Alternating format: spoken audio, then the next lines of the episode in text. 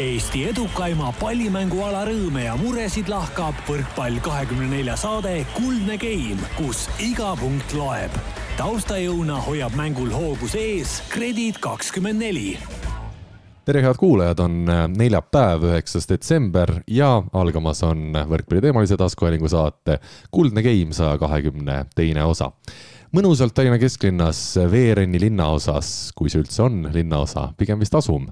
oleme jõudnud täna siis kolmekesi stuudiosse ja põhjus, miks ma kasutasin sõna jõudnud, ei ole mitte juhuslik, vaid sellel on ka oma põhjus. aga äh, räägime siis nendest inimestest, kes täna on jõudnud meie stuudiosse. hea meel on Karin Aldole öelda täna tere meie saate alalisele liikmele, mehele, kellele meeldib ka võrkpalli lüüa pigem alati jalaga. tere, Mihkel Uibaleht tere, Karl, ja ma tahtsin nagu teha kohe selle paranduse, et siin selles saate kõllis ja. on äh, toodud see, et Eesti edukaim pallimänguala. et täna on meil saalihokikoondis mängimas MM-finaalturniiril veerandfinaali, et ma ei mäleta, et kunagi võrkpall oleks MM-il jõudnud. ma ei mäleta, millal äh, saalihoki oli olümpiaala, tuletad sa mulle meelde? kas seal on öeldud olümpiaala sul selles kas... sissejuhatuses, just sissejuhatavas kõllis, et Eesti edukam pallimänguala, et see ei tähenda olümpiaala, et meil on pallimänguala saalihoki, mis on väga populaarne ja väga edukas, nii et äh, toetame ka omasid sellel, sellel spordialal ma mängisin noorena kergejõustikutrennis päris palju saalihokit, see on ainuke vastus, mis ma oskan sulle praegu öelda. väga hea. ja täna on meil hea meel öelda ka tere tulemast üle mõne aja saatesse äh, Eesti viimaste aastate üks paremaid naisvõrkpallureid, Kertu Laak. tere, tere enne veel, kui me hakkame Kertuga rääkima temast, naiste võrkpallist ja miks mitte ka Mihklist, siis ei ole meil täna Rivot siin stuudios. Mihkel, on sul aimu ka, kuhu Rivo tõi võis täna jääda, kas see, kas ikkagi pakane, see suur lumehulk, mis on Tallinna linna vallutanud, kas see võib olla siin põhjus? tegelikult on niimoodi, et kui mingi asi muutub populaarseks, siis hakkab tekkima teatud kvaliteedistandard. Ja siis hakkavad tekkima nagu valikmängud, nagu valikturniir hakkab tekkima, et kes pääseb saatesse ja, ja seekord siis juhtus niimoodi, et äh, Oho. Rivo kukkus valiksarjas välja, finaalturniirile ei jõudnud, ehk siis täna, täna saatesse ei jõudnud siia ja, ja Kertu siis äh, noh, ma ei tea, millega. mulle anti wildcard, ma arvan aa ah,, wildcard'iga jah, no ma, mina ütleks ikkagi oskused ja, ja selline. pigem küll jah sihuke.... ikkagi tempo asemel toodi diagonaal sisse, see ikkagi toob kvaliteeti oluliselt juurde. sealt keskelt oli ikkagi nagu jah. vastuvõtt me... polnud hea jah. aga vaata, kuna siis kvalifikatsioon käib nagu ühe koha peale, sest me oleme kaks sihukest štammi siin äh, Karliga, et meid nagu ei saa kõigutada, vaata, et meie tooli jalad Vaatame ei ole puust, ei meie jalad, meie tooli jalad ei ole mitte puust, vaid rauastad on siia nagu -hmm. aheldatud siia külge, et ma arvan, et see tundub tunduks mulle nagu loogiline. Kertu, mis sa arvad, kas on mõni muu põhjus võib-olla, miks Rivot täna meiega siin stuudios lindistusel ei ole? ma ei tea, mis see põhjus võib olla, aga ma tegelikult, mul on kahju, et ta ei jõudnud, et meil siin noh, võrkpalligrupis läks noh, ütlemiseks ei, tegelikult ei läinud nii hullusti, et et äh, oleks saanud temaga arutada nii mõndagi, jah Rivo ametlik, jah. ei, vaata, see ongi nüüd see, et äh, ma tahtsin küsida, mis, mis arutamiseks seal või ütlemiseks seal läks, et võib-olla need kuulajad, kes ei ole seal võrkpalligrupis veel jälginud asja, et võib-olla nad tahavad ka teada. vaata, meie toimub. saated on Mihkel kahetunnised ja me ei taha neid teha seitsmetunnisteks, nii et me täna seda kogu ülevaadet ei hakka lihtsalt esitama siit. kuulajate tungival soovil üks seitsmetunnine saade näiteks aasta lõppu, miks ja, mitte? aasta lõppu kindlasti. võtaks sellise maratonsaate. teeme, meil on see mõte olnud. pitsat ja erinevaid külalisi ja, ja siis lõpuks Karl on siin niuke, magab juba puldi taga ja teised räägivad ikka no. kolmas sats juba peale. peaasi asi toimib. ja, ei teeme, aga noh, selge, ühesõnaga pikk jutt ja, aga ma saan aru, et kõik jäid terveks selles sõnasõjas seal ja. ja see oli väga viisakas, ja. ja Rivo väga viisakas, võib-olla ka natuke väike liialdus Kertu poolt, aga Rivol, ta oli mingisugused seitseteist kohtumist oli tal ja koosolekut ja, ja ta lihtsalt äh, ei jõudnud äh, kahe kohtumise vahel siis täna saatesse. me tervitame Rivo, ma tean, Rivo küll ei kuula meie saadet, aga kõik lähedased, kes siis kuulavad ja Rivot näiteks näevad pärast saadet, öelge talle, et me tervitasime teda aga me hakkame täna rääkima tõesti palju naiste võrkpallist, sest kui meil on Kertu stuudios, siis ma arvan, et oleks, oleks patt mitte seda teha. ja meil on täna päris palju erinevaid teemasid ka naiste võrkpalliga seoses, aga loomulikult me alustame tänast saadet ikkagi Kertust endast. sa oled siis Saksamaa kõrgliigast tulnud täna tagasi koju ja leping sinuga on lõpetatud, lõpetatud.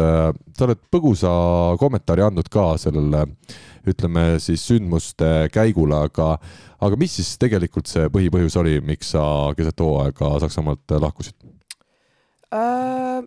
no ütleme, see põhjus tuli ikkagi klubi poolt, et, et eks ütleme noh, ma seda muidugi leierdanud siin kõigile ette ja taha, et miks ja kuidas ja, ja, ja kui kauaks ja noh, ühesõnaga, aga üldiselt jah, eks need esitused minu poolt võib-olla ei olnud nii, nii äh, säravad, kui oleks oodanud äh, nii klubi kui ka mina ise.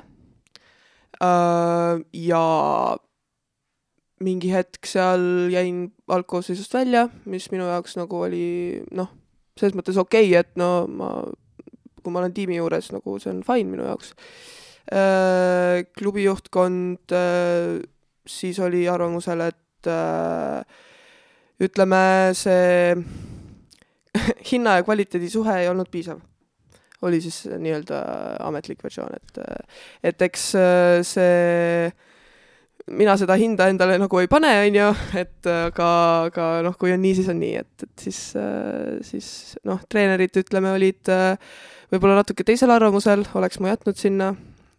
treener oli see, kes pidi mulle ütlema selle välja, et, et ma pean koju minema, mina klubi juhtkonnaga tegelikult ei suhelnudki Äh, nii et, ja temal oli väga kurb meel seda mulle teatada, sest äh, nagu nad ütlesid ka, siis mul nagu tööeetika oli paigas ja nagu ma pingutasin ja nii edasi, et aga lihtsalt noh, kui ei, ei tulnud või kuidagi ei sulandunud sinna, sinna naiskonda niimoodi sisse või ütleme, seal oli muidugi see ka, et äh, et seal mängiti hästi palju nagu neljast ja diagonaal võib-olla nii palju ei saanud palle nagu isegi noh, variante, et lahendada, et, et mis on nagu võib-olla muidu on nagu teistpidi olnud, et ma olen harjunud nagu hästi palju palle saama, hästi palju nagu võimalusi.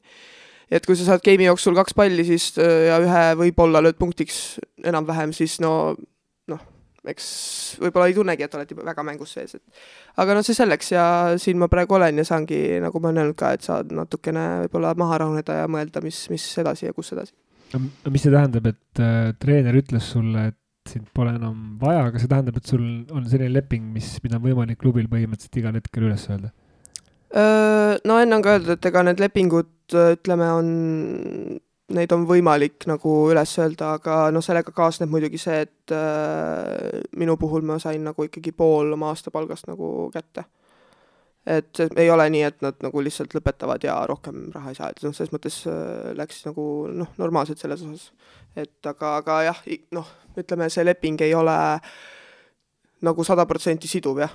et kui klubi tahab umbes midagi vahetada, siis noh, nad maksavad võib-olla natuke su palgast kinni ja siis on neil õigus seda teha, ehk siis garantiid sul põhimõtteliselt ei ole, et kui sa oma kohta välja ei mängi, siis klubil on nagu teatud teatud õigus, et äh, noh, jah, praegu nagu sa ütlesid, sa said äh, rahalise kompensatsiooni, et sa ei pea kohe, kohe paaniliselt nüüd nagu endale tööd otsima siin Eestis, et sa saad natukene nagu, nagu hinge tõmmata, et, et aga, aga põhimõtteliselt klubi on nagu natuke nagu jõupositsioonil.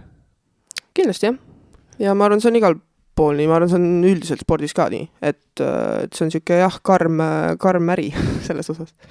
sa olid seal siis mitu kuud kokku? Ma läksin augustis ja esimene detsember tulin ära. millal see aeg, sa ütlesid nagu, et mingil hetkel sa langesid välja, poldud sinuga rahul, et kuidas see kõver käis, et kui pikk see periood oli, kus sa nii-öelda olid, olid noh, nagu sellises positsioonis, kus sinuga ei oldud rahul mm.? algus ei olnud iseenesest äh, nii kehv ju. ei olnud, ei olnud mm,. mingi hetk hetk toimus jah, sihuke, ma ei, ma ei teagi, millest see nagu tingitud oli täpselt, aga kuidagi enesekindlus läks nagu väga alla. ja noh, see on alati see, et, et kui sa nagu võrkpall on ainus asi, mida sa teed ja sealt see enesekindlus ei tule, siis ongi raske. et äh, võib-olla tagantjärele mõeldes olekski võib-olla parem olnud, kui ma oleks nagu midagi sinna kõrvale teinud, ma ei tea, mingid õpingud, värgid, särgid on ju, võib-olla oleks sealt nagu tulnud kuidagi see enesekindlust tagasi ka nagu muus elus. aga see oleks võinud olla ka topeltkoormav veel, kui ka õpingud oleks olnud rasked, eks? ja, ja, aga noh, kuidas see on, et äh, ära pane kõiki mune ühte korvi või kuidas see väljend käib, on ju. et aga jah, no ma arvan, see e-, ebakindluse periood kestis äkki, raske öelda, äkki poolteist kuud, kuu aega.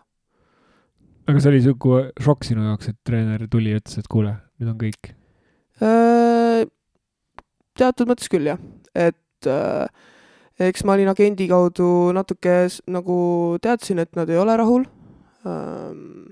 aga, no ma teadsin, noh, selles mõttes oma esituste kaudu ka, et noh, ilmselgelt ei olnud ta rahul, sest ma ise ka ei olnud rahul ähm,. aga kogu see, ütleme, staff seal ja need treenerid olid nagu hästi-hästi toetavad, nad nagu kunagi ei tulnud nagu noh, ütlema, et me nüüd ei ole rahul ja noh, niimoodi, et nad püüdsid aidata mind nagu edasi saada, üle saada sellest äh, aga jah, ju siis seal kõrgemal kuidagi ei, ei oldud sama meelt. räägime natukene, ütleme lähemalt ka sellest äh, olukorrast endast. me oleme sinuga siin sügisel suhelnud ka, aga ka mitte päris mikrofoni ees. Äh, mida sa ikkagi mainisid, oli see, et ähm, kui sul on klubihooaeg, koondise suvi, klubihooaeg, koondise suvi, siis mingil hetkel võib seda minna paljuks ja, ja see ei ole kindlasti esimene näide ju selline, kellel tekkiski liiga vähe seda puhkeaega et see, see oli üks, üks põhjustest, ma saan aru, miks, miks sa tundsid, et, et sul lihtsalt jäigi seda puhkeaega ja väheks, et sellest kõigest taastuda nii vaimselt kui ka füüsiliselt äh, jah, no ütleme, mõnel mängijal lööb see välja mingi vigastuse näol, on ju, et ta ei saagi nagu reaalselt puhkust ja keha ongi liiga koormatud. minul võib-olla jah, lõi see nagu nii-öelda siis burnout'i moel nagu välja, et, et, et kuidagi jah, ei, ei olnud nagu seda, ma ei teagi äh, kuidas ma ütlen, see äh, kihk nagu tööd teha ja areneda ja see, see nagu kuidagi kadus nagu täiesti ära. et äh,, et äh, mida see tähendab, sa trenni läksid kohale, aga sul ei olnud sellist meeletut põlemist, et tahaks täna kõike sajaprotsendiliselt teha, jah? ja kui endal nagu välja ka ei tule, siis noh, kaobki niisugune lootus võib-olla ära, et nagu võiks hästi välja tulla ja jah, kuidagi see see jah, just see kihk nagu tööd teha ja enda kallal vaeva näha ja et ma läksin trenni, ma lugesin nagu sekundeid, et nagu saaks, saaks isegi pallitrennis jah ja? ja? kuuikutrennis ka mm? -hmm. sa kasutasid seda ingliskeelset sõna burnout, et osasid asju on nagu kergem öelda inglise keeles, sest mm -hmm. need kõlavad siis kuidagi nagu vähem emotsionaalselt, vähem seostavalt, et näiteks noh, ma ei tea, armastus või love, et seal on nagu väga suur vahe, et, et lihtsalt burnout, me räägime läbipõlemisest niisugune emotsionaalne, vaimne läbipõlemine.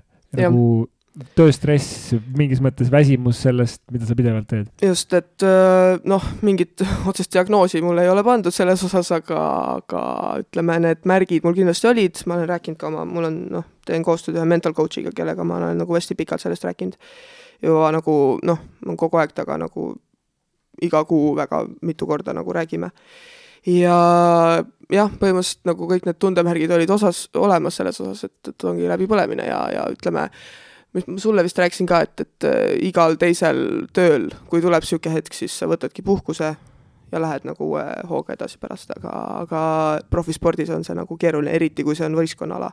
et äh, mul olid nagu enne ka tegelikult niisugused nagu mõtled, et võib-olla peakski tegema pausi, aga nagu noh, sa oled võistkonnamängija, sa ei tee seda otsust nagu lihtsalt ise. aga on sul varem ka taolist olukorda olnud ja kas sa oled äh, sellistel puhkudel, ma eeldan, et kõigil sportlastel tuleb, ma arvan, äh, iga hooaja sees mingisuguseid raskeid perioode sisse, kas äh, varasemalt need perioodid olid teistsugused või lühemad või kuidas seekord tundus kuidagi endal lihtsalt hullem see olukord? ma arvan, nii hull ei ole olnud, jah. ma ei, ma, ma arvan, mingid sarnased olukorrad on lühemat aega olnud, sest no ma olen juba nüüd viies aasta läheb profina.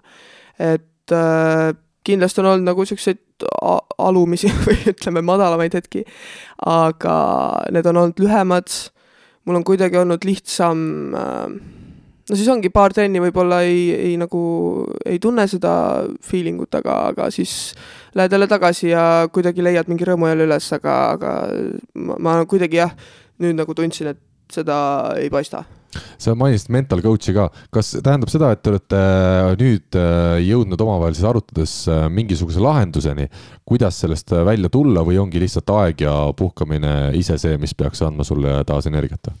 jah, ütleme, me oleme rääkinud küll. no sellel ei ole mingit sellist võlulahendust, et, et seda tulebki natuke võtta, võtta aega, võib-olla isegi mitte liiga palju nagu mõelda selle peale et ma ise tunnen praegu, kui ma kodus olen, mul on nagu kõik jumala hästi senikaua, kuni ma hakkan mõtlema, mis must tulevikus saab et, et jah, ma võtan nagu selles mõttes rahulikult, ma ei leia, et ma peaks kuskile tormama praegu sellises olekus, see ei oleks kasulik nii mulle kui ükskõik. aga huvi on juba tuntud? agent on, on juba. ja, ja, ja variante on, selles mõttes ongi nagu veits, veits nõme ka, et nagu agent on leidnud jumala noh, häid variante. Mis aga... liigadest, julged sa meile öelda täna või? Äh, no ütleme, Itaaliast on taaskord tuntud huvi. aga siis ongi see, et ma pean agendile ütlema, et ma praegu ei taha mm. et nagu see ka ei ole hea tunne, et sa ütled nagu ära nendele asjadele ja, ja ma olen agendiga rääkinud nagu päris ausalt nendest, sest ma nagu ei, ma ei leia, et ma peaks nagu vale lootust ka andma ei agendile ega, ega klubidele ka, et, et nad saavad kellegi võib-olla, kes on nagu reaalselt motiveeritud ka praegu seda asja tegema. Mental coach, see tähendab äh, sinu jaoks mentor või see tähendab äh, ikkagi selline ütleme, reaalne psühholoog? ta on äh,, tal ei ole psühholoogi haridust kui sellist, aga äh, ta tegelebki nagu sportlaste äh, ütleme siis mentaalsete oskustega ja nende arendamisega. nõustamisega, arendamisega. jah, et äh, noh, palju on teemaks tulnud meil ka näiteks äh, trennis mingi, mingile asjale keskendumine või, või, või äh, kuidas mingit noh, mingid segavad tegurid panna nagu tahaplaanile ja noh, niisugused asjad, et aga, aga me saame temaga nagu piisavalt hästi läbi, et nagu sellistest äh, nii-öelda natuke raskematest asjadest ka rääkida ma ei tea, kui palju sa sellest üldse rääkida tahad, selles mõttes, et ma arvan, et juba praegu tuleb tunnustada, et, et on tippsportlane, kes, kes räägib sellest nagu, mis on tegelikult täiesti normaalne osa nii mis tahes tööelust ja samamoodi tippsportlase elust. aga on see asi, mis, no sa mainisid, et see nagu see, sel, see selline lõbu või selline soov mingeid asju teha kadus ära, oli seal veel midagi sellist, noh, tihtipeale lihtsalt äh, hästi sihuke klassikaline muster, kui sul on tööstress või selline nagu läbipõlemine, et mulle selle sõna läbipõlemine ei meeldi, sest et see on sihuke liiga hästi üldine, et noh, mida selle siis mm. mõistetakse, üldjuhul see tähendab seda, et inimesel tekib selline noh, ongi tujutus -hmm. masendus, ärevustunded äh,, niisugune, ma ei tea, võib-olla ka hirm üksi oleku ees, eriti kui sa oled välismaal näiteks üksi mm, -hmm. et sa nagu igatsedki sellist turvalist keskkonda ja mm, -hmm. ja mingis mõttes see ongi selline noh ka võib-olla ärri, osad inimesed ärrituvad kiiremini, väsivad kiiremini, muutuvad närvilisemaks, et kõik sellised sümptomid, et on, on, on sealt midagi sulle tuttav? on, on, see on väga tuttav praegu, mis sa kõik ette lugesid, et, et äh, eks üks asi kindlasti oligi see, et äh,, et ma seal üksi ka olin, et, et äh, see on üks asi, mis, mille juurde ma nagu väga ei, ei kipu tagasi hetkel sest jah, see on, see on veits keeruline selles osas nagu, nagu see profisportlane nagu kuskil välismaal olla, et sa oledki nagu üksi, su kõik need sõbrad, pere, kõik on noh, kodumaal, on ju vahel läheb hästi, saad nagu kohe kellegagi super heaks sõbraks ja, ja nii edasi ja ma ei ütle, et ma nagu sferiinis tüdrukutega olin nagu väga võõras, et ma noh, ikkagi käisin läbi, läbi nendega, aga see on ikkagi natuke teine ja iga hooaeg uuesti nagu uude... ja vara ka, ütleme, sa ühegi inimesega väga heaks sõbraks reeglina kahe või kolme mm -hmm. kuuga ei saa, et see on ka normaalne protsess, et see kestab kauem. just, et äh, noh, võib-olla aja möödudes oleks läinud lihtsamaks, aga, aga ei antud mulle seda võimalust kahjuks, jah. kas seda võib ka niimoodi äh sellise nurga alt vaadata, et noh, mida rohkem tipu poole me ronime, on see siis mis tahes töövaldkonnas, antud juhul tippspordis, et seda rohkem on vaja sellist nagu, ma ei tea, tasakaalu ka väljaspool tööd või, või tasakaalu äh, iseenda sees mingit pidi, et see on niisugune nagu, me võime rääkida seda selliselt, et see on sinu nagu tasakaalu otsimine, mis praegu käib, et see, see pingutus nagu ka sportlikul tasemel on olnud niivõrd suur ja niivõrd mm -hmm. kõva, et seal on nagu vaja seda tasakaalu rohkem ja nüüd ongi küsimus, et et ilmselt jah, nende asjade puhul, mis sa mainisid, sa ei leid-, noh, sul ei olnud seda tasakaalupunkti, et on see siis nagu, ma ei tea, elu väljaspool äh, võrkpalli, nagu sa mainisid, sa elad nagu ainult ühele kaardile, kui seal midagi välja ei tule, et siis justkui see on väga kerge, kerge minema, et niisugune nagu noh, mingis mõttes nagu kõrgete panustega mäng, nii nagu on, äh, ükskõik mis alal sa tippu ronid. jah jah, just, et, et kui hästi läheb, siis on ju kõik, kõik tore ja, ja ja ma ei ütle absoluutselt nagu, ma ei tunne ka, et see armastus võrkpalli vastu oleks kuskile kadunud, lihtsalt ta on kuskile mattunud kuskile mingite teiste asjade alla. et äh, praegu ongi jah, ma proovin nagu endaga selles osas tegeleda, et, et saada seda enesekindlust tagasi ka nagu noh, tavaelus, et, et ja kuidagi oma peas just need asjad korda saada, et siis on nagu lihtsam edasi minna. Mina lihtsalt julgustaks oma isiklikust kogemusest, et äh, mina olen küll käinud äh, teraapias selliste mm -hmm. teemadega ja soovitan kõigile äh,. see on väga noh, nii-öelda, kui on füüsiline treening olemas, on ka vaimne treening mm -hmm. olemas täpselt samamoodi. ja, ja noh, samamoodi, kes iganes, ma ei räägi nüüd sellistest äh, teaduslikult äh, tõestamata tegevustest, aga äh, noh, näiteks sama, on olemas teadveloleku ehk siis mindfulnessi praktikat, mis on täiesti äh, nagu teaduslikult tõestatud, mida juhendavadki kliinilised psühholoogid, mida mina julgen küll kahel käel soovitada inimestele, kes otsivad seda tasakaalu ja kellele see sobib. kõigile see ei sobi kahtlemata mm, -hmm. aga lihtsalt see, see pinge, mis koondub, ma arvan, ka see enesekriitika, mis mm -hmm. inimestel on, eriti tippsportlastel, eriti muidugi individuaalaladel veel, aga yeah., aga ma arvan, et nagu olles välismaal, sa oledki nagu selline individuaal noh, sportlane mingis yeah. mõttes oma olemuselt, et nagu millised sihid me endale paneme mm, -hmm. et mhm. me nagu piitsutame ennast meeletult mingisuguste asjade eest, mil, mis ei ole üldse väärt seda piitsutamist.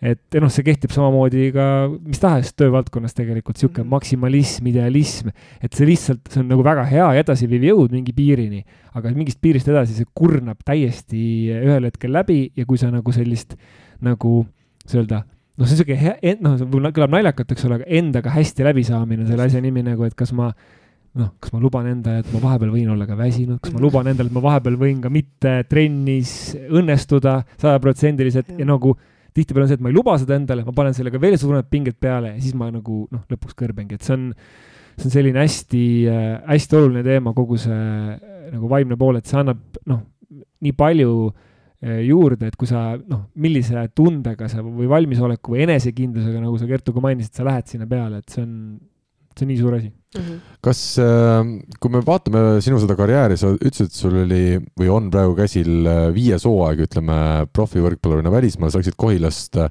siis välismaale mängima kahe tuhande seitsmeteistkümnendal aastal, kõigepealt Salovi Eesti, Soome parim klubi, kerkisid seal kohe põhitegijaks, Eesti koondises oled sa olnud pikki aasta põhitegi- mm, -hmm. pikki aastaid põhitegija, siis oli Itaalia klubi ma, sa pead mulle meelde tuletama, kas see oli Kieri. Kieri niipidi ikkagi jah. Äh, Itaalia kõrgliiga juba ikkagi vaieldamatu maailma tippliiga ja nüüd siis Saksamaal äh, Palmbergis. kas äh, võib öelda, et osa sellest, ütleme tänase päeva seisust ongi tinginud see, et sa jõudsid väga varakult väga kaugele? ilmselt Eesti naiste võrkpallis teist sellisel tasemel mängijat, kaheksateistaastane nagu olid sina ei ole varem olnud, et, et kõik tuli alguses võib-olla liiga lihtsasti kätte ja sa ise, nagu siin Mihkel ka mainis, panid endale need eesmärgid, et nüüd läheb veel kõrgemale, veel paremale, paremaks kõik, aga, aga see järgmine samm või selle järgmise sammu tegemine, see on juba hoopis keerulisem ja, ja, ja noh, selline ongi reaalne elu lihtsalt, et, et see areng ei ole olnud enam nii äh, ilusti üles, nagu oleks ise võib-olla oodanud. Äh, jah, igal juhul, et, äh, et kindlasti see noh ma ei tea, kas ma ise võib-olla panin nii nagu hulle pingeid omal võib-olla kuskil panin jah, et, et äh, eks ma tean, et minult oodati palju, eriti kui ma olin noor ja sihuke ülesmäge, kõik läheb, kõik on hästi tore, onju. et äh, eks mul seal Soomes oli ka, mäletan, mul oli päris mitu korda sihuke raske, et, et ma, mul noh, läks nagu hästi küll, aga no esimene aasta me jäime ülinapilt meistritiitlist ilma Äh, kui sa oled nagu naiskonna põhitegija, siis sa nagu mingil moel ikka süüdistad ennast ja siis noh, ühesõnaga, et äh, aga edasi ütleme, ma arvan, kui ma nüüd tagasi vaatan, siis võib-olla see, et ma läksin Itaaliasse sinna nagu teiseks viiuliks nii-öelda. Äh,, see võib-olla võt-, nagu pikas perspektiivis seda enesekindlust mulle nii palju ei andnud, et, et, et ma ikkagi olin seal pingil kaks aastat. Äh, see mängupraktika jäi sealt nagu vähemaks. Ja võib-olla noh, nüüd koondise suvi näitas ka, et äh, või noh, see eriti see esimene pool, et, et see, selle mängu, mängu mängimisega nagu, pideva mängimisega toimetulemine, et see võib-olla just nagu vaimselt äh, ei, ei olnud nagu mul nii tugev külg enam, aga noh, me ei tea kunagi seda, et, et selles mõttes äh, jah, ma arvan praegu ma ei oskagi öelda, noh, selles mõttes on raske nagu minevikust äh, neid äh, põhjuseid nagu otsida. ma just mõtlen, see ajaline periood, noh, ka Karl rääkis siin, et kui pikki aastaid, üks asi on see, et viis aastat proff olnud, aga kui palju tegelikult enne seda on aega läinud nagu pühendatud selle peale, et saada mm -hmm. profiks. et ütleme nii, et sa oled kakskümmend kolm, siis võrkpall on olnud sinu elus sellisel noh äh,, ikoonilisel -hmm. kohal mitu aastat umbes, kümme pluss äh,? vot ma ei teagi, ma arvan, ma olin kuskil äkki viisteist, kuusteist, kui, kui ma nagu otsustasin, et no nüüd ma seda teen mm. enne mm. seda, noh, ma käisin trennis ja nagu noh, tuli hästi välja ja nii edasi, aga aga võib-olla jah, see mingi klikk käis ära kuskil kuueteistaastasena, et see on tegelikult ikkagi suht pikk aeg suht pikk aeg ja nagu öeldakse, et noh, mina pole küll hea näide, ma olen seitseteist aastat töötanud ühes asutuses, aga tavaliselt öeldakse inimestele, et noh, kui mingi sihuke kuni seitse aastat on ju, et mhm. siis hakkad. Mihkel, aeg on võrkpalliliitu tööle tulla sa tead seda. see, see on iga saate. me räägime sulle seda, sa ise ka räägid juba endale ja. seda. Äh, ei, ma ei, mina kas, ei räägi kas seda. kas me toome sulle lepingu järgmise, me toon pitsa asemel sulle lepingu järgmine nädal. oota, sa õnneks ei tööta selles asutuses, mida, mida sa, kuhu sa mind tahtsid tööle võtta. okei, lihtsalt. aga jah, aga lihtsalt, et noh, et kui sa pingutad nii mitu aastat selle, selle asja nimel, et eks ta muutub paratamatult vaimselt ka väsitavaks ja noh mm -hmm., ma arvan ka, et tõenäoliselt sul ühtegi vaba suve aga palju sul oli puhkust sel suvel? reaalselt vaba, mil sa olid koondisest äh, nii, no sa pidid vist mingit äh, individuaalset tööd pidid ka selle väikese puhkuse ajal tegema, mis teile koondisest anti või? natuke ikka, jah. aga, aga põhimõtteliselt tulid otse klubi hooaja lõpust, oli sul paar nädalat pausi?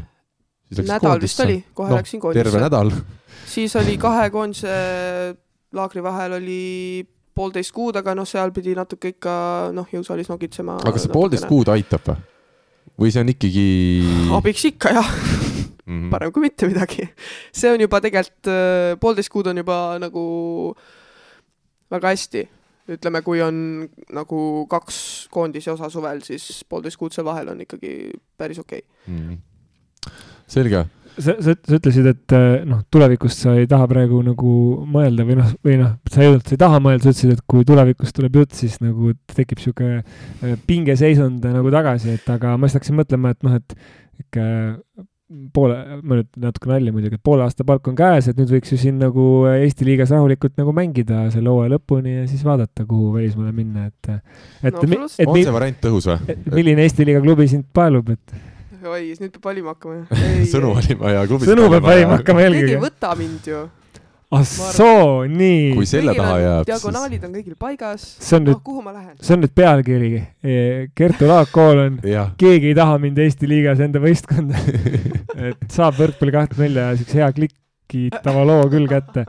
aga, aga, aga nagu reaalselt, kas, kas see oleks variant, et ütleme nii, et noh, on selge, et Eesti liiga ilmselt äh, noh, pakuks vähem sellist äh, ka endale survet nagu, mhm. et, et, et võib-olla oleks variante nii-öelda niisuguseks pehmeks taastumiseks, aga ega ma saan aru jah, et ja. ega see pole ilmselt äh, see, mida sa sportlasena tahaksid jälle äh,? ma valetaks, kui ma ütleks, et see mõte pole mul peast läbi käinud äh,. sest see oleks nagu noh, teoorias äh, hea variant, kus ma saaksin nagu kõrvalt midagi muud ka teha midagi, mis noh, et mul ei võtaks terve elu nagu see võrkpall nagu peast ära. aga no jällegi ütleme, siin tuleb jälle noh, see nagu mängu, et, et mida, mida teised arvavad ja ütleme, mis nagu noh koondise seisukohast kindlasti oleks parem, kui ma läheksin kuskile välismaale ja noh, selles mõttes ma nagu tunnen, ma koondise ees ma tahaks nagu täiega mängida, see ei ole nagu küsimus, lihtsalt kuidagi see klubi võrkpall on mul kuidagi kopa ette visanud. et see on nagu hästi huvitav, aga, aga jah, ütleme, see on kindlasti mingisuguse plaan C või plaan D on ta kindlasti, jah. kas see on sinu peas või sa oled ka juba mõne treeneriga sellest rääkinud? Ei ole mõne treeneriga sellest ei ole rääkinud et no eks nüüd äh, kuule, aga Mihkel postkast on avatud. ei, aga ma, ma tahtsin veel öelda seda, et tänapäeval pannakse postkasti neid postkast on ka Facebooki Messenger ilmselt mul tuleb ainult Postimees hommikuti postkasti. Seal ongi, kuulutuse panen ülesse. aga ma tegelikult tahtsin seda öelda, et sa ütlesid ka, et noh, et et koondise huvides oleks kindlasti kasulik või noh, oleks vaja, et ma läheksin nüüd välismaale mängima jälle hakkas kuidagi rääkima nagu mitte Kertu, kes No räägib ongi, iseenda vajadustest, vaid nagu sihuke, mis on iseenesest no aga see on väikese riigi Ei, kas on- paratamatus. ei, kas on süm-, ei ma räägin ma räägin nüüd indiviidi tasandilt nagu selles mõttes, et, et on sümpaatne selles mõttes, et inimene nagu on ülesandekeskne, et ta mõtleb, et mida on koondisel vaja. aga samal ajal nagu noh, tekib see küsimus, et kas nüüd see pole see hetk, kus mõelda, et mida Kertul vaja on. just, et nagu vähemalt järgmised X kuud, et mis meil järgmisel aastal ees on ootamas naistekoondise võrkpalli?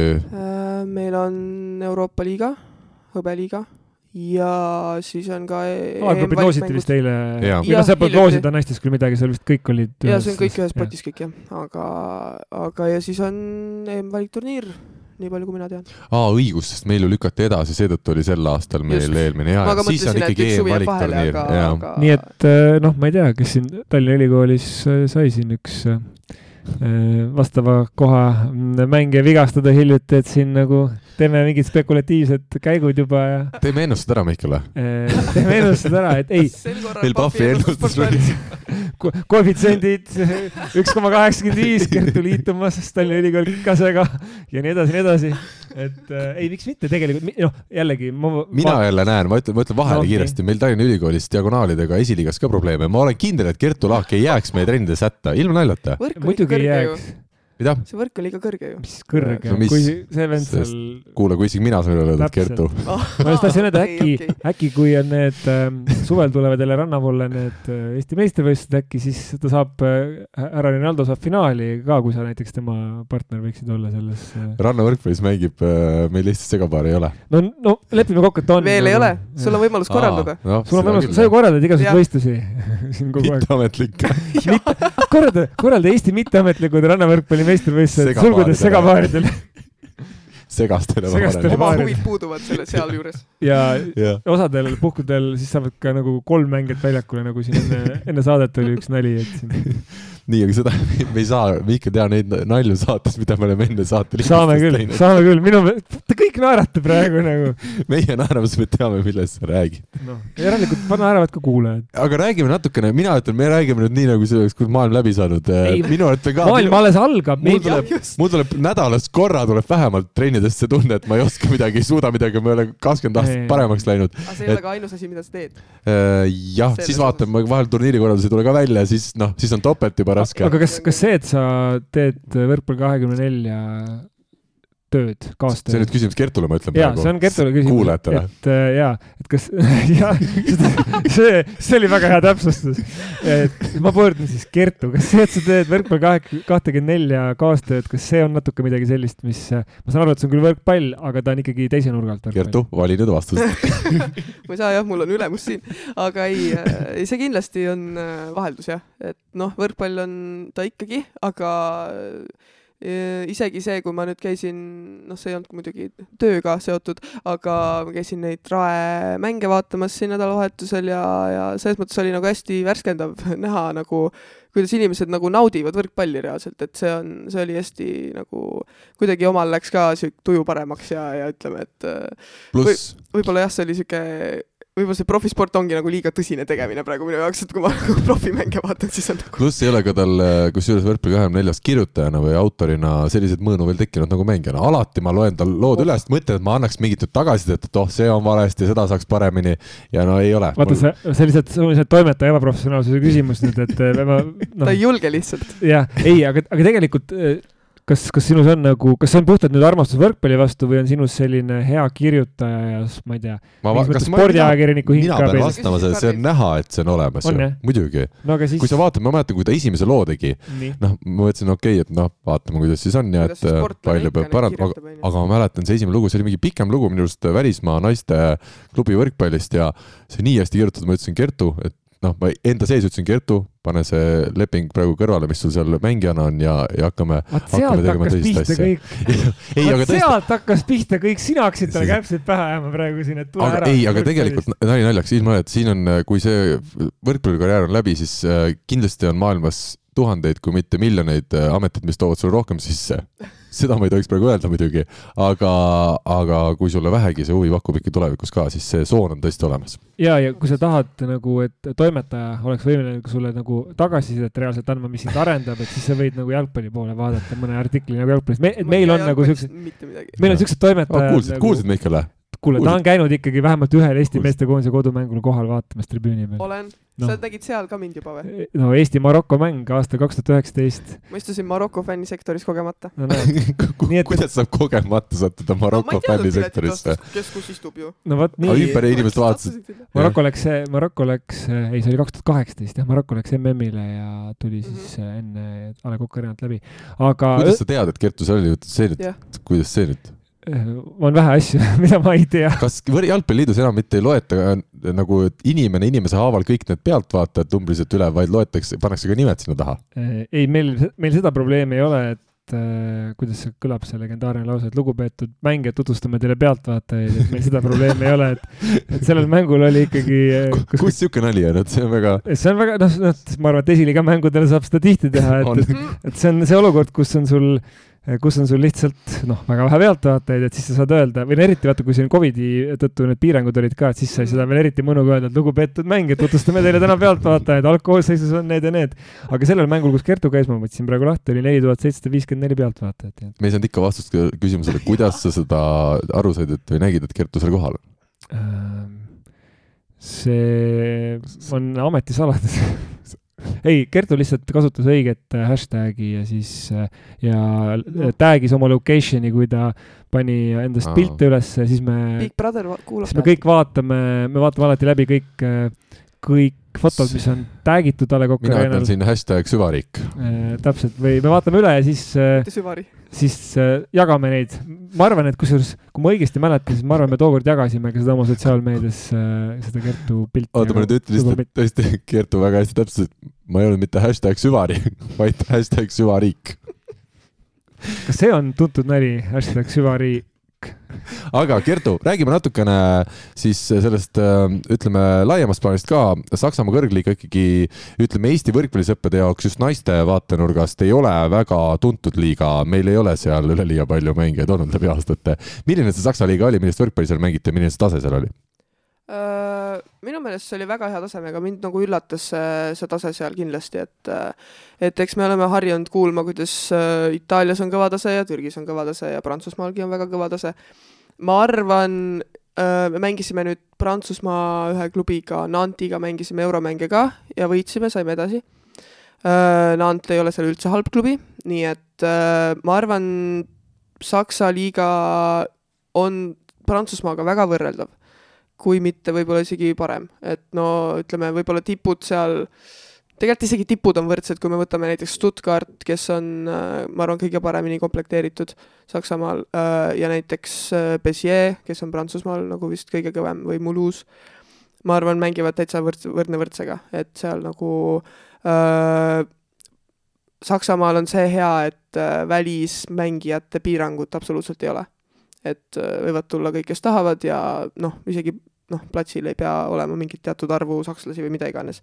mõni võistkond ongi seal nii, et äh, et on üks sakslane ja ülejäänud on ameeriklased näiteks. kuule, aga see on see Eesti spordisõprade igi ja igipõline küsimus, et mis on selle klubi mõte siis ja mina, ma pean tunnistama, et ma olen ka olnud alati ikkagi seda poolt, et kui noh, mul on lihtsalt korvpalli näide, kuna Kalev Cramo mänge, ütleme mm. Mhm. läbi aastate on olnud hea jälgida välisliigades. et minu jaoks ka Kalev Cramo on siis huvitav, kui meil on oma huvitavad nimed, kes saavad nendes välisliigades heast karastust mm. -hmm. ja neile on see tuleviku perspektiivis äh, nii-öelda väga kasulik kas sina, olles nüüd välismaal mänginud ja just sarnases siis liigas ka, näed, miks see kohalikule kogukonnale peaks korda minema, see klubi, kui seal ei ole ühtegi, ütleme, kohalikku põhitegijat näiteks? ma ei oska öelda, selles mõttes ma ise ka näiteks, ma kujutan ette ise noh, kasvõi näiteks sakslasena ja mul on, seal on üks Neuwiedi klubi, kes, kellel ongi reaalselt ainult ameeriklased ja siis äkki kaks sakslast, et nagu mis terve võistkonna peale kaks sakslast jah? Ma ei usu, et nad isegi võib-olla ei saa platsile. Ja ja siis ma mõtlengi, et nagu miks ma peaksin seda mängu minema vaatama, aga ju siis kuidagi see, ütleme, see kogemus sellel mängul just, et, et meie kodumängul ka näiteks inimesed tulid reaalselt poolteist tundi varem kohale, nad jutustavad seal kõigiga, nad öö, ostavad sealt bratwursti, eks ole, kõiki fänni igasuguseid nänni sealt ja, ja neil on nagu see sotsiaalne kogemus on nii suur sealt. Ja ja see on nagu jah, kuidagi niisugune traditsioon, et ma arvan, võib-olla sellepärast nad äh, ka nii palju väga ei hooli sellest, et kes, kes seal platsil lõpuks tegelikult on, et nad on seal rohkem selle elamuse pärast. et äh, jälle me jõuame vist sinna, et äh, ütleme, vanemates arenenud riikides on nii kõva see kultuur välja kujunenud, et see mäng ongi ainult üks osa sellest laupäeva õhtust mm, -hmm. et väga suur osa selle mängu kõrval ongi see, enne mängu tuled kohale, näed, seal on Haine, mul vana sõber, teisel pool istub, eks ole, Jürgen ja, ja sa lähed, räägid nendega juttu, siis näed see bratwursti müüja, eks ole, Haino on ka kohale tulnud ja, ja noh, ongi juba tore ja kui see mäng isegi võidetakse, on veel toredam, sa jääd mm. veel pärast ka juttu rääkima niikuinii, kas siis mängijatega, et, et see on siuke kogukonna värk. ja kui kaotavad, saad ikka lellata seal õues, et ja. nagu ei ole probleemi. bratwurst maitseb ikka, ikka sama hästi. ja sa mõtled, kui mitu aastat üldjuhul need klubid on järjepidevalt tegutsenud et väga-väga pikki aastaid üldjuhul, et. et seda ei ehita sekunditega. ja noh, ma toon näitega jälle naistespordist äh, Soome jalka naiste jalkameistrivõistlusi olles mitu korda vaatamas käinud, siis seal ongi täpselt selline atmosfäär, nagu ta siin, nagu siin Karl kirjeldas, et sul ongi äh, seal vorsti grillimas mingi vanem meesterahvas, kes on klubi vabatahtlik, kellel on mingi seos olnud ja siis seal äh, Äh, noh, ühesõnaga see on siuke no, täpselt sama on ka Aga Volley, võtame Oliver Lüütsepp, kus oli eelmised aastad juhendaja, ma käisin ka seal vaatamas, täpselt sama, see on igal pool minu arust äh, lääne ühiskonnas täpselt samasugune mudel, kuidas toimub ja ilmselt võib-olla, võib-olla isegi see, kui seal on need sakslased kohalikud, on üks asi, teine asi ongi, et oo, meil on ameeriklased, meil on välismaalased, sa lähed, räägid nendega, see fänn pärast ütlevad mm, -hmm. no näed, meil on kohalikus klubis mängib ameeriklane, nad võib-olla hoopis võtavad seda täiesti teise vaatenurga alt ja neil on hoopis see huvitavam kui see, et oleks järjekordne sakslane seal. võib-olla tõesti jah, jah aga ühesõnaga taseme, taseme üle sa ei kurda ja ütleme see, et siis, kui sina ära läksid, te olite kuue mängu järel alles kaheksandal kohal liigas, näitabki kokkuvõttes seda, kuivõrd tasavägine see liiga on, et seal võib, ütleme ka täitsa tiitlipretendit kaotada viimastele äh,? jah, võib-olla seal on, ütleme, kaks klubi, kes nagu on teistest natuke halvemad ja võib-olla ei saa nii hästi vastu, aga ülejäänud, mulle just öeldi, et just see aasta on nagu hästi-hästi-hästi tihe. et äh, no Stuttgartiga me nüüd äh, mängiti just enne või peale seda, kui ma ära läksin, noh, sealt tuli kiire kolm-null, aga, ja nemad on nagu kõige kindlamat mängu näidanud. aga üldiselt ka nagu noh, see minu koduklubigi Schwerin, nad olid eelmine aasta karikavõitjad ja nüüd äh, jäime kaheksandikfinaalis siis välja. kaotasime seal mingile klubile, kes üldiselt on seal kuues-seitsmes liigas. et äh, noh, nüüd meie oleme kuuendad-seitsmendad, et äh, jah, seal läheb kindlasti väga tihedaks.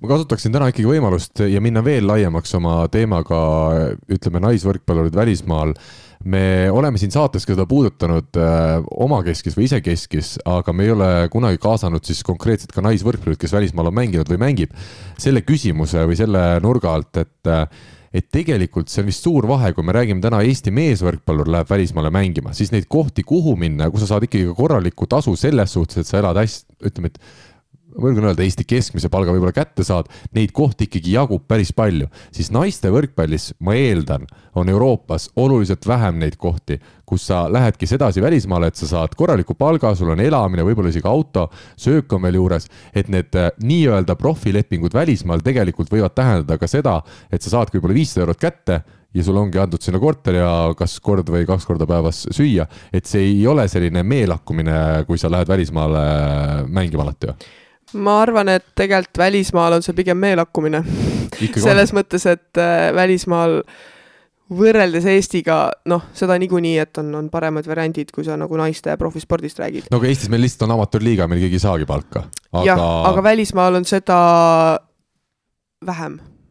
et, et naistel ütleme, sellist asja on vähem, et ütleme noh, Eestis on ju meestel ikkagi, ma ütleks, poolprofiliiga naistel on täiesti amatöör mm. -hmm. et seda, sellist asja välismaal ma ei ole nii palju näinud, et ongi, kui on meestel normaalne liiga, siis on ka naistel seal kõrval liiga.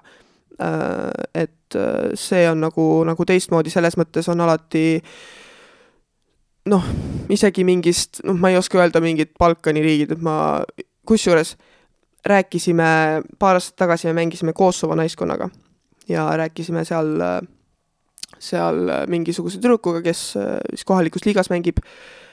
pidi olema üheksa naiskonda neil liigas ja isegi mitu taset nagu liigal Kosovos mis ütleme, me käisime seal, see ei ole nagu väga ilus koht mm, -hmm. et ja väga rikas koht et, et no, no mingil moel nad suudavad neid asju seal hoida, ma ei, ma ei kujuta ette, kas seal on nagu profiliiga või kuidas nad nagu seda teevad, aga, aga noh, kuidagi on see parem kui Eestis.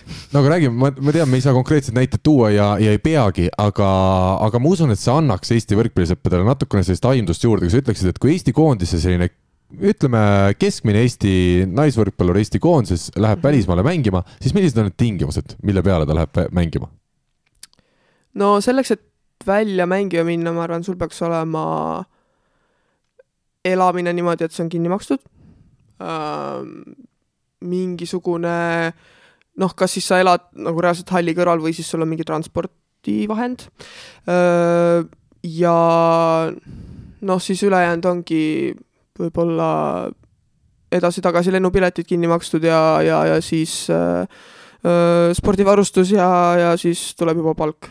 aga et... see palk, mis see palk on, Eesti keskmist ei teeni ju kõik välismaal mängivad Eesti naisvõrkpallurid mm,? vot ma, ma ei, täpselt seda ei tea, aga ma arvan, et äh, võib küll olla midagi sinnakanti. umbes nii ikkagi on? ma arvan küll. ma arvan, ma ei, ma ei oska öelda, ma ma võin öelda, ma ise, kui ma esimest aastat läksin Soome, siis äh, minu meelest mul oligi nagu Eesti keskmine mm.. ja see oli mu esimene profiaasta. aga sa ikkagi jätkuvalt olid ka päris silmapaistev võrkpallur, ma tuletan meelde, juba siis. nojah, aga ma olin ikkagi noor ja otse nagu keskkoolist. et äh, sellistele mängijatele tavaliselt makstakse vähem, kui peaks seda, kas sa, sa said salvestada mingi hetk ise ka aru või tunda või, või sina arvad, et see oli esimese aasta kohta okei okay, või? aa ei, ma, ma arvan, see oli okei okay,, et mm. ega ma tol hetkel või no ega tegelikult siiamaani see noh, mingi hinnalipik pannakse mulle külge, aga ega ma ise ei tea, palju ma nagu mm. Peaksin saama või no ütleme, selleks on agendid. tead, ma tean kõik mängijad või ma ei pea sind silmas, aga noh, paljud mängijad ütlevad, oo, et ma saan nii vähe palka või, aga mina ütlen, et palka saabki inimene nii palju, nagu ta on väärt. on ju kokkuvõttes nii? teoorias küll, jah.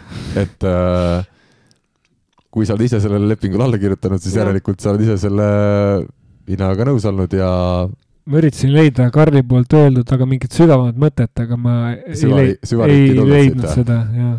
Okei okay,, väga hea, Mihkel tuli kohe peal mängu vähemalt sisse ja ma lihtsalt tegin vahepeal ühe fakti nagu kindlaks, et kuna Gert ütles, et ta ei jaga jalgpallist midagi, et siis eh, noh, ma näitan sulle, et ma tegin nagu kindlaks, et see noh, see on ju selgelt jalgpallist jagamine, kui sa vaatad eriti, mis siin alla on kirjutatud. ja ma tean, ma nüüd ütlen ka, et äh, härra Buffoniga on teinud Aha, siis Gert Olaak kunagi pildi, sa võid selle loo ära ka rääkida, Buffon on, ma arvan, sihuke, sihuke jalgpallur, keda teavad ka need võrkpallisõbrad, kes võib-olla võrkpalligi ei ole palju alles vaadanud. jaa, no see lugu oli sihuke, et ma sain vigastada esimene hooaeg, kui ma olin Itaalias ja meil oli mingisugune sponsorüritus, kuhu pidi kohale minema ja noh, siis kuna see oli trenn, trenni ajal, siis saadeti mind kui vigast sinna, sest trennis ma ei pidanud olema ja ja tuli välja, et see oli sihuke üritus, kuhu ka, mis on ka Juventuse sponsor, oli see kompanii ja, ja oli ka Gianli, Gianluigi Buffon seal.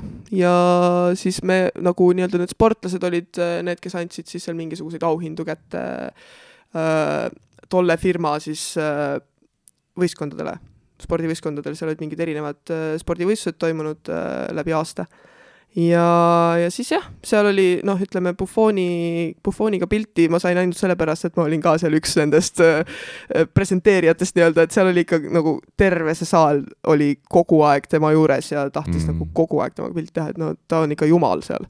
et selles mõttes äh, läks mul hästi, jah. rääkisite paar sõna juttu ka äh,? ei, no juttu väga ei rääkinud. pilti sinuga teha? ei, kus seda, kus ma seda tean aga kuidagi jah sattusin õnnelikul ajal sinna. vaata, ma tahtsin lihtsalt tõestada, et Kertu teab jalgpallist omajagu. kas selle, selle foto põhjal saab tulla jalgpalliliitu tööle või? ei, vaata, seal peaks, peab olema need äh, poolakud. tasemel, tase, ta, tasemel kirjatükid peavad olema, vaata. on ju. aga, ja ei, noh. mida, mida sa tahad veel mida sa hing nõuad Kertu käest? midagi. selge, väga hea. jah, esiliiga sinna sinu meeskonda nõuan, et ta ei läheks mängima igal ei juhul, ma arvan ka ja ma tean juba, meil on ka väga palju esiliiga kuulajaid, kes kindlasti, poisid on nõus ütlema, et äh, jääb ära. et tegelikult, no meil on lihtsalt, lihtsalt Karel Ellermaa, vana sidemängija on ka diagonaalina hästi sel hooajal mänginud Mm. mm. hädaolukorras, et ta kindlasti võib tunda ennast puudutuna, et ma tunnistan ja ütlen ka siinkohal ametlikult välja, et ta on hästi mänginud diagonaalis ka. võtame, ütleme, ennetame võimalikku piinlikku olukorda, mis võiks tekkida. noh, see ongi see, et mõtle, kui Kertu tuleb ja lööb platsi puhtaks nagu, et siis Nii. oleks ju meil on niigi, ma võin öelda. meesterahvastel oleks piinlik meil on sõna otseses mõttes plats on juba puhas, sest me ei saa enam kokku isegi mehi, et kuus tükki trenni tuleks aa, no siis ärge mind küll võtke, jah mm. -hmm. mm. -hmm. selge. inimesed tahavad ikka korralikult treenida, nad on harjunud ikkagi normaalse treeninguga. aga ma arvan, et meil on ka inimesed harjunud normaalse saatega ja kuigi ma ei tea, minu arust Mihkel tõmbab ise seda saate sellist tõsidust äh, üha ei, rohkem ei, ma alla. lihtsalt, ma lihtsalt, esimeses saates viks ja viisakas, paar lihtsalt, kollast kaarti, aga sellega asi piirdus sa korrigeerin arvad, see on sinu mõju siis? ma korrigeerisin fakte lihtsalt, muud midagi. head sõbrad, läheme edasi saatega, võtame ette tänase teise rubriigi. kes võidab keda, kas sina oskad ennustada seda? spordiennustus portaalis Pahv, Pahv lööb pahviks nii, ja teine rubriik meie saates, Pahvi ennustusmäng. eelmisel korral olid äh, nii alustadki, kohe lähed äh, asja juurde, jah? jaa, väga põnevad No, ennustused olid. Rivo kak-, kaks sellist e-spordi ennustust ära pikalt räägi nendest, lähme lihtsalt kiiresti, seda meie Eh, kuulajad väga ei ütlen taha lühidalt, teada. et Ninjas in Pyjamas äh, ennustus läks tal täkkesse, kas Cox ja Dicken ei mänginud Soome liigas? küll aga Vision, Vision Strikesi ennustus läks tal valesti, ehk siis Rivo kukkus kahesaja viiekümne kolmelt eurolt kahesaja neljakümne nelja euro peale. mm. -hmm. Karl pani pange Inglise jalkaliigaga, see oli arusaadav, ja siis ütles, et Tiigerit võidab Soome liigast ja ta ütles, et kolm-null. ei no see selleks, mis ma ütlesin, ma ütlesin, et võidab noh. ja tegelikult võitis kolm-kaks, aga äh, tema tegi siis kokku oma kolmekümnest eurost kolmkümmend seitse, nii et saja üheksakümne kuuest sai kakssada asja- kolm. kahte asja ainult ennustasingi või? jaa, kümne euro Oh. eest siis seda äh, Chelsea Mm. West Hami ja kahekümne eest siis Soome liigat. kuidas läks Mihkel võib-olla? oota, Andres on ka siin vahepeal veel, Andres äh, snuukris äh, äh, Jack, Jack Lisovski peale, see läks äh, kahjuks vett vedama, aga Norra meeste laskesuusa kahjuks. äh, nelik äh, siis tõi talle äh, plussi see oli päris ennustus, tubli poiss. ja, aga kokku ta jäi miinus kolm eurot eelmise nädalaga võrreldes. aga noh, mina tegin oma tavalise, ehk on? siis äh, kõik mööda. Tiigerit võitis, nii ma ka ennustasin, ja Bulgaaria superliigas siis Dunavit, kes oli outsider selles mängus, koefitsient kaks koma null, ennustasin, et võidavad, samuti võitsid. nii et minul sai saja üheksakümne kahest eurost kakssada kakskümmend. nii et minu ja Rivo vahe on kakskümmend neli euri hetkel. palju õnne, ma aplodeerin küll. Väga tasa, tagasihoidlik äh, aplo-, aplaus tuli meilt. tavaliselt on meil ikka energilisemad siin jah. aga räägi, Mihkel, sul on kindlasti valmis midagi pandud põnevat. ma No- vaatan näiteks äh, võrkpalliliiga challenge karikas on siin kirjas äh, Pahvi lehel. Bosna Sarajevo võidukoefitsient Ankara Halkbanki vastu on kakskümmend kuus koma null. see mäng käib hetkel, ma võin sulle öelda. et ei, sa ei taha ka panna midagi? ei, mul on äh, lihtne seekord, mul on Poola Nii. liiga, jaa, kus mängib meil äh, Gdansk äh,, Treffl Gdansk mängib Luk-, Lubiniga äh,, Lubliniga ja siis ma panen viisteist siis selle Gdanski peale. Ja noh, põhjus on lihtne, Gdansk on niisugune noh, nii ilus linn, et ma olen seal käinud. Ja mulle- meeldib, et Lublinis ma ei ole käinud, et see on nagu selle põhjal puhtalt, ei tegelikult on noh, Gdansk mängib kodus ja loodetavasti võidab ka. nii, teine viisteist, täna on oota, palju koefitsient oli, sa ütlesid ka jah? jaa, ma ütlen koefitsiendid ka, koefitsient on meil äh, üks koma neli. Mm. ja teine on siis täna on challenge karikas on mäng, Tectum Ahel mängib äh, Terueliga, Hispaania klubiga. ja esimese mängu Ahel võitis kolm-üks, kuigi esimese game'i kaotas, nüüd täna on neil koefitsient üks koma seitsekümmend kuus, kodus mängivad, et ma jällegi äh, kahtlen siin, kelle peale panustada, sest tavaliselt juhtub see, et üks võtab kaks game'i ära ja siis on nagu edasipääs tagatud ja siis tuleb see, et lõpuks tegelikult teine võidab. nii et ma ei tea ähm,. ma panen ikka Aheli peale, see on üks koma seitsekümmend kuus koefitsiendiga. sobib. Kertu, mida põnevat sina oled leidnud? Äh, ma ütlen kohe ära, et võrkpalli ma ei ennusta, sest et ma tegin just äh, vahetult enne äratulekut ühe, mis see oli siis spordimanipulatsiooni koolituse või ahah, mis iganes see oli. ja seal oli selgelt öeldud, et võrkpallurid ei tohi võrkpalli peale pettida, nii et äh, ma kuulan sõna. kas Ja mina ja Mihkel oleme ka võrk, kui me mängime näiteks rahvaliigat, kas siis me ka ei tohi või? ei no me, noh, sa ei saa mina veel, aga või? sina võrkpallur. et ähm, kuidas sa teed nii, oh hea küll. et aga ei, ma väga tahan nagu selles mõttes Gertut kiita, et see on tegelikult väga tõsine teema, et inimesed ei teadvusta, et kui nad on asjas osalised, et siis nad tegelikult, üks asi on reeglid ja teine asi on puhas eetika mm. -hmm. juba, et see ei ole lihtsalt okei okay.. oota, me- aga kus me- see piir läheb, kus see piir läheb eetika ja reeglite järel? mm,. piir läheb, Vahel. näiteks jalka näitel, meil on lihtsasti öeldud, et ähm, Eesti Premium-liiga mängijad ei tohi teha mis tahes panuseid Eesti jalgpallile, et kui nad Aga teevad rahvusvahelise jalgpallile, esiliiga Mm. pallurid, sama lugu. samamoodi oligi öeldud, et kui sa isegi oled olümpiamängudel, sa ei tohi terveid olümpiamänge nagu pettida. Mm. et äh, no siis on lihtsalt teada. aga jah, see on, me igaks, ütleme, rõhutame üle, et see on, me, meil on siin niisugune virtuaalne mäng, et me reaalselt raha siin ei panusta niikuinii. just, aga mina jään jalgpalli juurde. kuna äh, minu siis linna lähedal seal Saksamaal oli ka Rostock, kus on jalgpallitiim nimega Hansa Rostock, kes mängib teises Bundesligas äh,, kellel on täiesti hullud fännid ja meil on terve Schwerin oli ka igasuguseid Hansa Rostocki kleepse täis igal pool äh,. Nad mängivad Hamburgiga, mis on nende lähi, ütleme siis lähilinn ja tegin natuke kodutööd ja ütlen, et Hamburg võidab selle mängu, koefitsient on üks koma kuuskümmend kuus. Sinna läheb siis viisteist. sinna läheb viisteist nii, ja teine mäng, kuna ma tean, eile pidi olema üks äh, meistrite liiga mäng, mis lume tõttu lükkus edasi.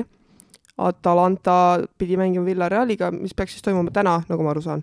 ja täna õhtul kell kaheksa. panen selle peale, et äh, Atalanta suudab läbi lume ikkagi võita, üks koma seitsekümmend üks on koefitsient. mina võin öelda selle peale läbi lume sahiseva Jah. või kuidas see, ütleme, see pilt, mis seal artikli juures oli, et hästi palju lund oli, siis minu arust sama hull või veel hullem olukord oli siin viimase finaalmängu ajal siin Eestis. ja, noh, vahe, vahe, see on ikka äge, et te mängite seda lumejalgpalli, nii tuleb see oli- meister, selgub, see on ikka Mihkel, kuule, see on nagu igal pool, lume ja tormi ja ma räägin äh, selle kohta ühe loo. Nii.. nimelt laub, laupäeval, möödunud möödunud nädala laupäeval äh, mängis Rootsi äh, jalgpalli kõrgliiga oma viimase vooru ja üks mäng peeti ka Östersundis. samal ajal toimus Östersundis laskesuusa MK. jah, miinus kaksteist oli õues, et kas keegi, staadion oli lasketiiru taga? no neil seal on vist äh, küll väike, mingi väike vahe sees, aga see oli ikka päris huvitav, sest äh, Östersund kukkus liigast välja, ehk siis mis ma tahan öelda, et ma kuulsin, oota, ma lihtsalt ütlen, ma kuulsin, et üks suusahüppaja maandus äh, mängu ajal sinna jalgpalliväljakule. kuule, suusahüppeid me näeme sel nädalal, laskesuusa, laskesuusahüppaja. suusahüppeid me näeme sel nädalavahetusel äh, Otepääl, sest et vähemalt mina lähen kahevõistlust vaatama. Karl ei näe, Karl on, kuule kus, kus, miks sa tuled, meil on nii tähtis turniir on nädalavahetusel. ei, seda võid teha küll, aga siis, kui ei ole midagi võrkpallist toredat toimumas samal ajal. aga räägi, mis sa ennustad nüüd, oota, aga sa, sa, kõik. Kertu teine ennustus me saime ka, eks Mhm. mina teen nüüd äh, läbi ajaloo kõige mõttetuma ennustuse, ma ennustan, et Gentofte, kelle, Gentofte meile siis tuttav eurosarja klubi Taanist, nad mängivad Taanis äh, Haidavre võistkonnaga. ja Gentofte siis koefitsient on Haidavre vastu üks koma null üks ja ma panen kaks eurot sinna. täna ma teen sellise spetsial panuse Oh. nii et ma võidan tagasi maksimaalselt kaks eurot siit. ma arvan, et sa kaotad selle, see on väga põhimõtteline asi. nii, aga see ei ole kõik, nagu öeldakse ka tuntud telereklaamides. mina loomulikult usun jätkuvalt Belhatovis Klaasi ehk siis Robert Tähte ja Savjertsega mängivad siis võõrsil Belhatovi mehed ja kaks koma kolmkümmend viis on see äh, koefitsient Belhatovil, ma usun, et nad võidavad, ma panen kaheksateist eurot sinna. Ja lõpu kümme eurot jätame siis äh, oota, mul oli, mul oli olemas siin küll midagi, Jašembja, Jašembja, aga neil on nii väike, noh, ei saa panna, ei saa panna, ma väga vabandan, ma ei saa panna Jašembja peale täna Poola liigas. võtame siis midagi hoopis põnevamat ja paremat, sul on muidugi pakkuda ei, ma tahtsin sulle jalgpalli pakkuda Noh, täna mis- on Gent ja Flora mängivad äh, no teeme, teeme, toetame Eesti jalgpalli, mis äh, loomulikult Flora võidab selle mängu Gendi vastu, kui juba saadi Belgradi partisanist jagu, siis mis see üheksa koma kaks on koefitsient noh Flora,. kümme eurot. ei, aga tõsiselt, siit tuleb ju ja sul tuleb korralik võit. korralik võit. Hakka või mõtlema, et visuaalsete ennustusmängude kõrval võiks ka, aga ei saa, ootame ära kuna olen mänginud Eesti neljandas liigas jalgpalli, siis ei saa. aga head, head võrkpallisõbrad, läheme edasi tänase saatega ja natuke tähtsamate teemadega.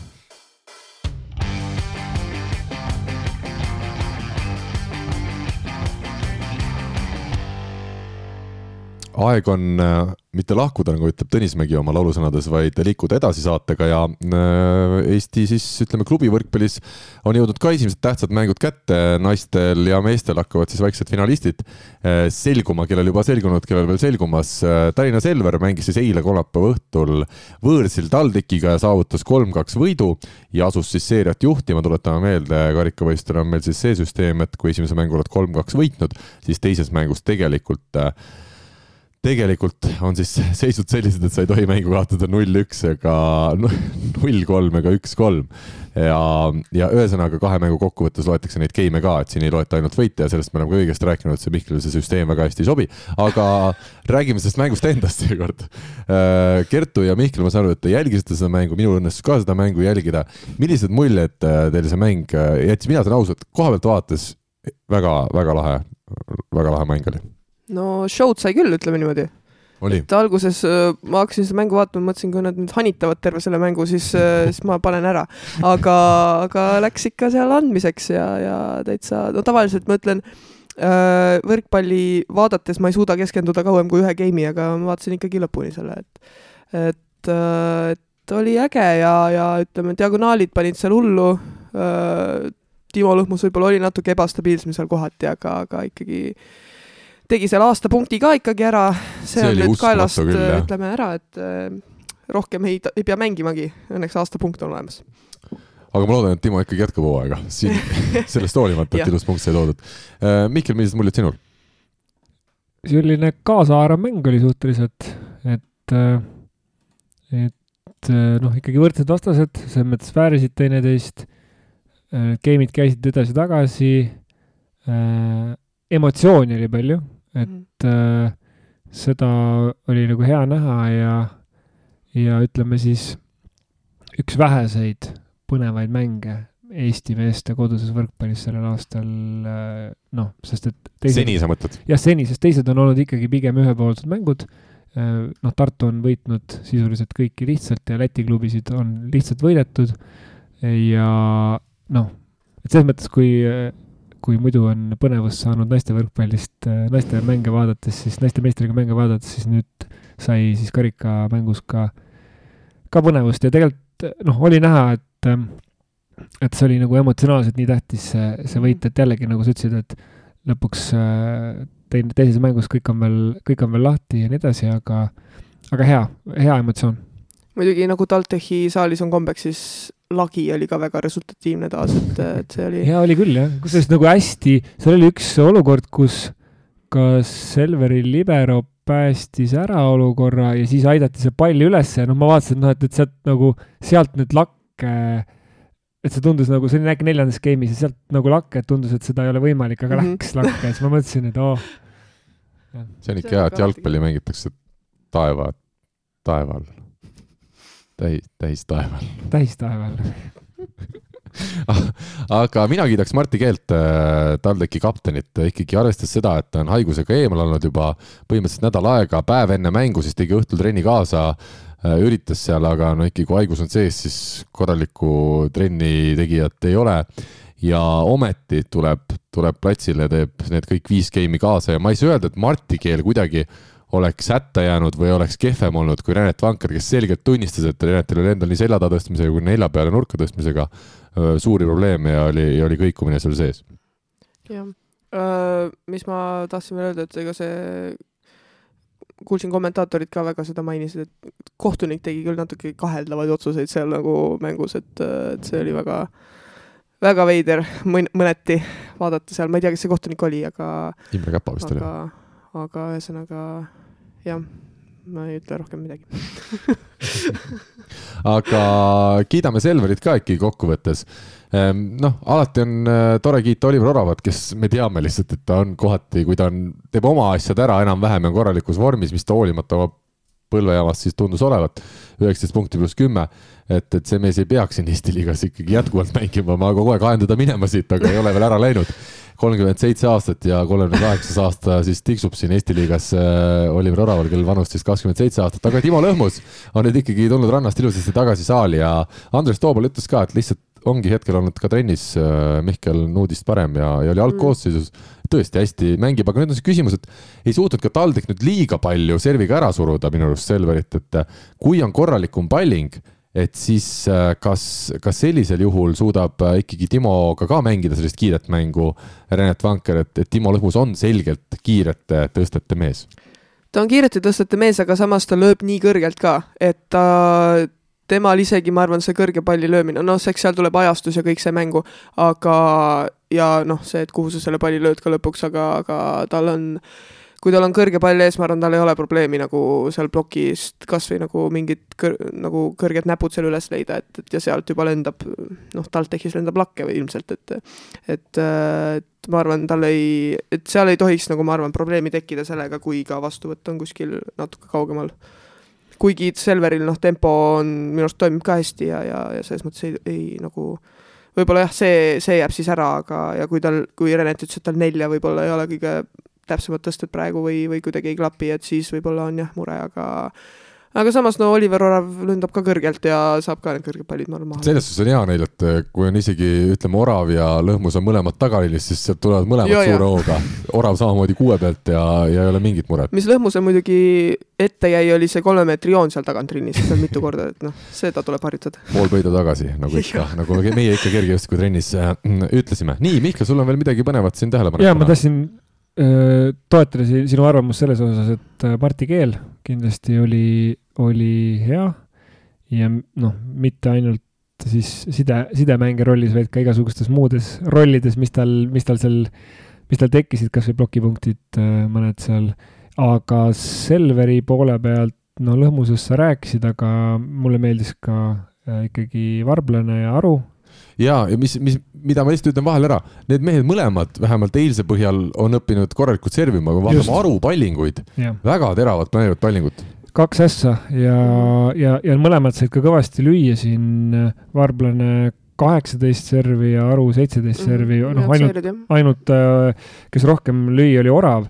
ja mis natuke veel silma jäi, mida ka numbrid toetavad, oli see, et äh, noh, mis on ka loogiline natukene, et TalTechi rünnak läks äh, Schmidli keskseks rohkem ja Selveril oli rohkem ühtlast Mm -hmm. ja see võib-olla lõpuks saigi määravaks, kes ja. teab. sest tegelikult ei teinud ei Rasmus Meius ega ka Kevin Saar, kumbki põhinurgaründajatest mm -mm. nüüd head mängu TalTechil. Äh, Schmidl vedas endale omaselt Semestov vist une pealt alati ära oma kakskümmend punkti ja, ja rohkem, kakskümmend seitse pluss neliteist, vaatan siin numbrid üle.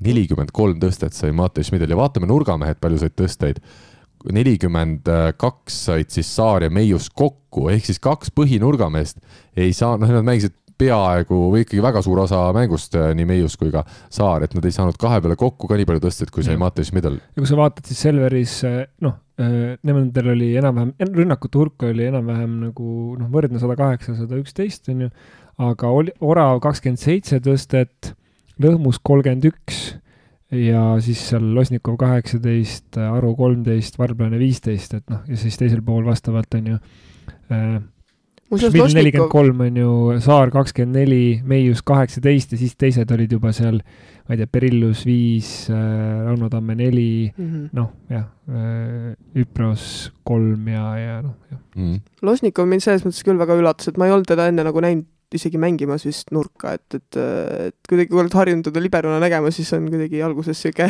natuke veider, aga väga hästi sai hakkama, hästi sai hästi hakkama. ja, ja kusjuures Lossikov ei teinud veel enda kohta head mängu, ta on mm -hmm. siin tänavusel hooajal teinud palju paremaid partiisid, aga no eks TalTech on ka üks korralikumaid vastaseid, et kui siin mm -hmm. tood Läti klubide vastu kaheksateist punkti, siis see sel hooajal võib-olla ei tähenda seda, mis ta tähendas eelmisel hooajal. huvitavaid tähelepanekuid veel minu jaoks TalTechis äh, esiteks nüüd Meiusel kaks kehva mängu või juba kas kolm kehva mängu järjest tulnud, ütleme noh, kui me vaatame eelmise nädala eurosarja mängu, esimene mäng Getovte vastu väga hea, teises kukkus ära, nädalavahetus Karkstai vastu, me teame, et Aldek selle mängu kaotas ja nüüd siis äh, Selveri vastu ka oli meius kehva, et tema hooaja algus on olnud väga hea ja, ja saab nüüd olema huvitav näha, kuidas noor mees sellest ütleme, väikesest mõõnast välja tuleb. Äh, Jan-Markus Üprust alati hea meelega toon esile igal pool, kus võimalik on kuidas see mees ikka tuleb ja kõikidel positsioonidel mängib, seekord oli siis vaja esialgu servida hästi tuli vahetust ja servis kogu aeg ja servis esimese game'i täiesti põhimõtteliselt ära.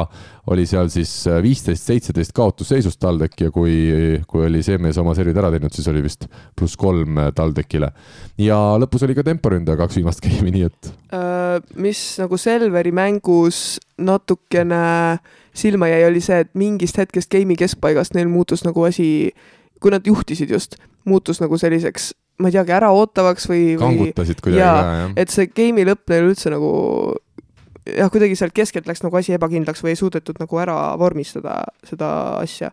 et äh, ja siis noh, esimene game vist oligi see, kus TalTech nagu Tuli nagu välja, sai aru sellest momendist ja pani teise käigu sisse ja läks, läks nagu mööda.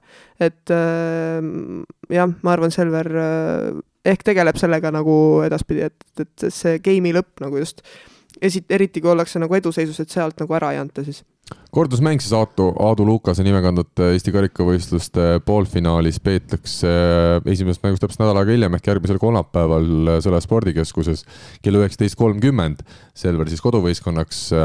aga teine poolfinaalseeria, ma kardan, et meil ei ole väga palju põhjust sellest rääkida ei täna ega ka nädala pärast. esimese mängu võitis Tartu Bigbank võõrsil Pärnu vastu väga kindlalt kolm-null, üheski game'is ei saanud pärnakad kahtekümmendki punkti kätte ja teine mäng on siis täna õhtul, neljapäeval, mil me seda saadet lindistame, jõudmas käsile, Tartu mängib kodusaalis ka, näeb siin keegi mingit võimalust Pärnul?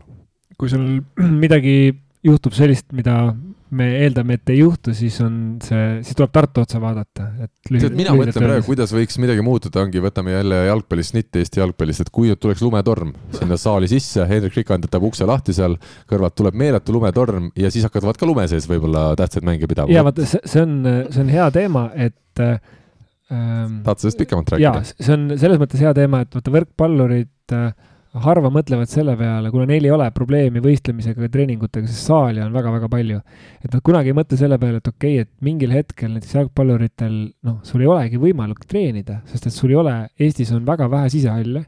nüüd ehitatakse mõned, mõned juurde ja see on suur asi, aga, aga noh, niimoodi võr-, võrreldavas koguses, et võrkpallis ei ole kunagi küsimus selles, et kas ma saan trenni teha või mängida, sest saal on kuskil alati olemas. aga jalkas ongi see, et sul on novembrist kuni märtsini perioodil võib olla sul olukord, kus sa ei saagi minna trenni või kui sa lähed trenni, siis noh, see pole trenn, eks ole, et noh, et kujutame ette, et sa lähed äh,, lähed jah, spordihalli, sul on, põrand on äh, yes. ujub, eks ole, ja siis sa pead seal peal nagu tegema mingeid liigutusi, et noh, sa, sa, sa pigem ei tee, sa võtad tempo maha.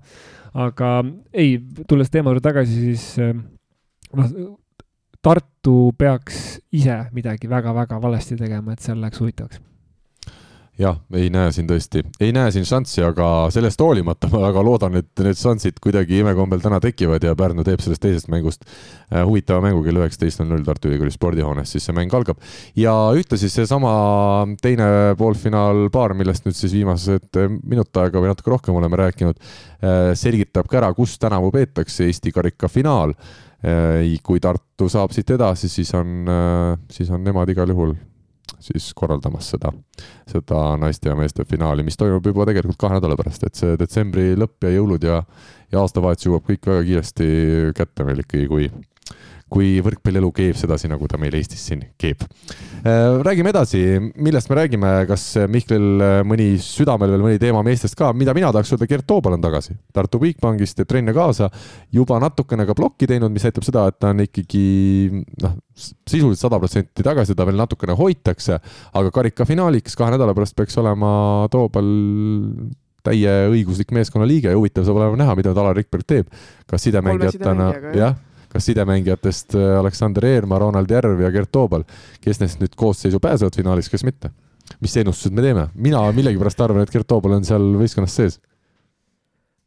ma isegi ei see on niisugune hea ähm,, hea probleem, ütleme nii, et sul nagu on liiga palju mängijaid mm., kelle mhm. hulgast valida, et äh, eks ma arvan, Alar teeb nagu suht äh, päevapealt selle valiku, et kes parasjagu kõige parem või kasulikum on. järv teiseks liberoks, saab ikkagi medali kätte. siin, ma arvan, paar kuud tagasi Alar siin äh, meie podcast'is lubas, et äh, karikafinaalide ajaks on Toobal tagasi, nii et ju siis ta paneb koosseisu. ju siis paneb koosseisu, väga lihtne. ma, see on viimane info, mis mul Alarilt on, nii et aga jah, no ühesõnaga ma, maestro on tagasi ja loodetavasti seekord siis see tagasitulek on natukene pikem kui, kui suvel oli meil ta Eesti koondise, koondisega liitus, oli siis eelmine tervisemure jäänud selja taha, aga, aga tuli kohe teine kallale, ma usun, et Tartus on teda tõesti hoitud ja vaadatud, et kõige tähtsam on see pikem plaan ja, ja kevadel olla heas seisus ja, ja üldse tuletame meelde Gert Toobal, vanust on juba mitu aastat üle neljakümne, et, et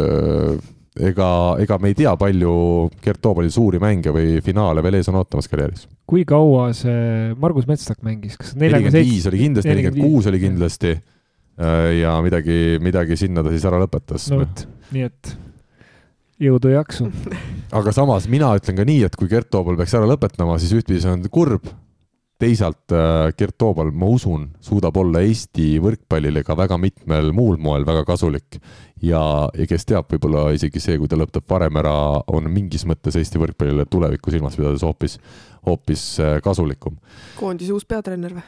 noh, vot seda ütlesid Kertu Laak, see on jälle pealkirja materjal, täna on Mihkel mul oli küsimärk lõpus, see ei olnud väide küsimärgiga on kõige paremad pealkirjad alati. jah, absoluutselt. ohohoo, see teeb tõesti nüüd tuleb mõelda. mõtlen, kui sa seda saadet nüüd mm. kokku paned, eks ole, tekstiosa ja üles laed, siis mm. siin on noh siin on, mida kõik saab sinna pealkirja ja teksti.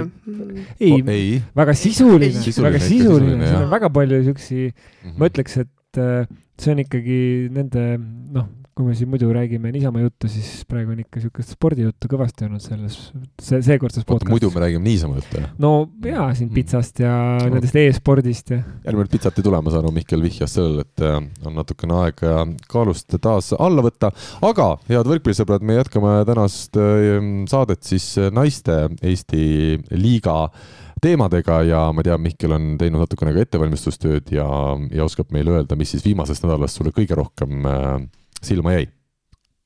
jaa, selles mõttes, et äh, Tartu Ülikool Bigbank tegi ära oma, oma sellise hirmuäratava seeria, et viie päevaga neli mängu ja sai need kõik edukalt finišisse viidud, ehk siis äh, võidud väga hea, et see täi-, sest tänapäeval, ma saan aru, tänapäeva ühiskonnas noortel ei tohigi öelda, edukas võib olla ka kaotus. aga meie siin saates ikkagi mõtleme, kui on edukalt äh, lõpule viidud, siis on, äh, see tähendab võitu. nojah, et edukalt lõpule viimine võib tähendada seda, et lihtsalt mängisid ära kõik need neli mängu. ja, ja teine asi oli see, et äh, noh, see, see mäng oli selles mõttes kõvasti, et võib-olla tähelepanuväärne oli, et Riia siis Läti ülikool käis äh, käis siin äh, Tallinnas ja mängis siis kõigepealt reedel.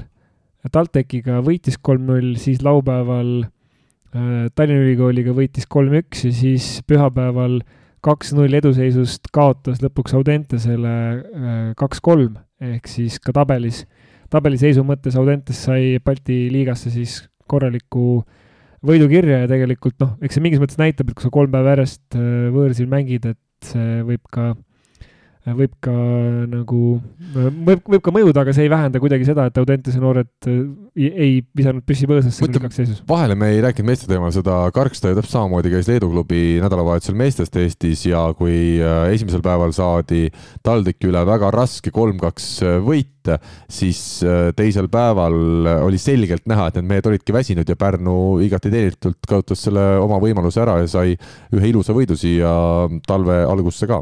jaa see oli siis Balti liiga poolt ja mis Eesti liiga poolt äh, tasub äh, ära märkida, oli see, et äh, TBD Biodiscovery sai oma esimese võidu, võitis Viljandi Metalli kolm-null. siis Võru ja Tartu Ülikooli Bigbank said kindlalt kolm-null võidud Rae spordikool Viiastoni vastu, mis ka noh, mingis mõttes näitas selle ära, et ei ole Rae valmis sealt Äh, kuidagi selle tabeli esimese otsaga veel, veel konkureerima, vähemalt, vähemalt hetkeseisuga, et nad on siis tabelis kaheksa naiskonna konkurentsis praegu viiendal kohal.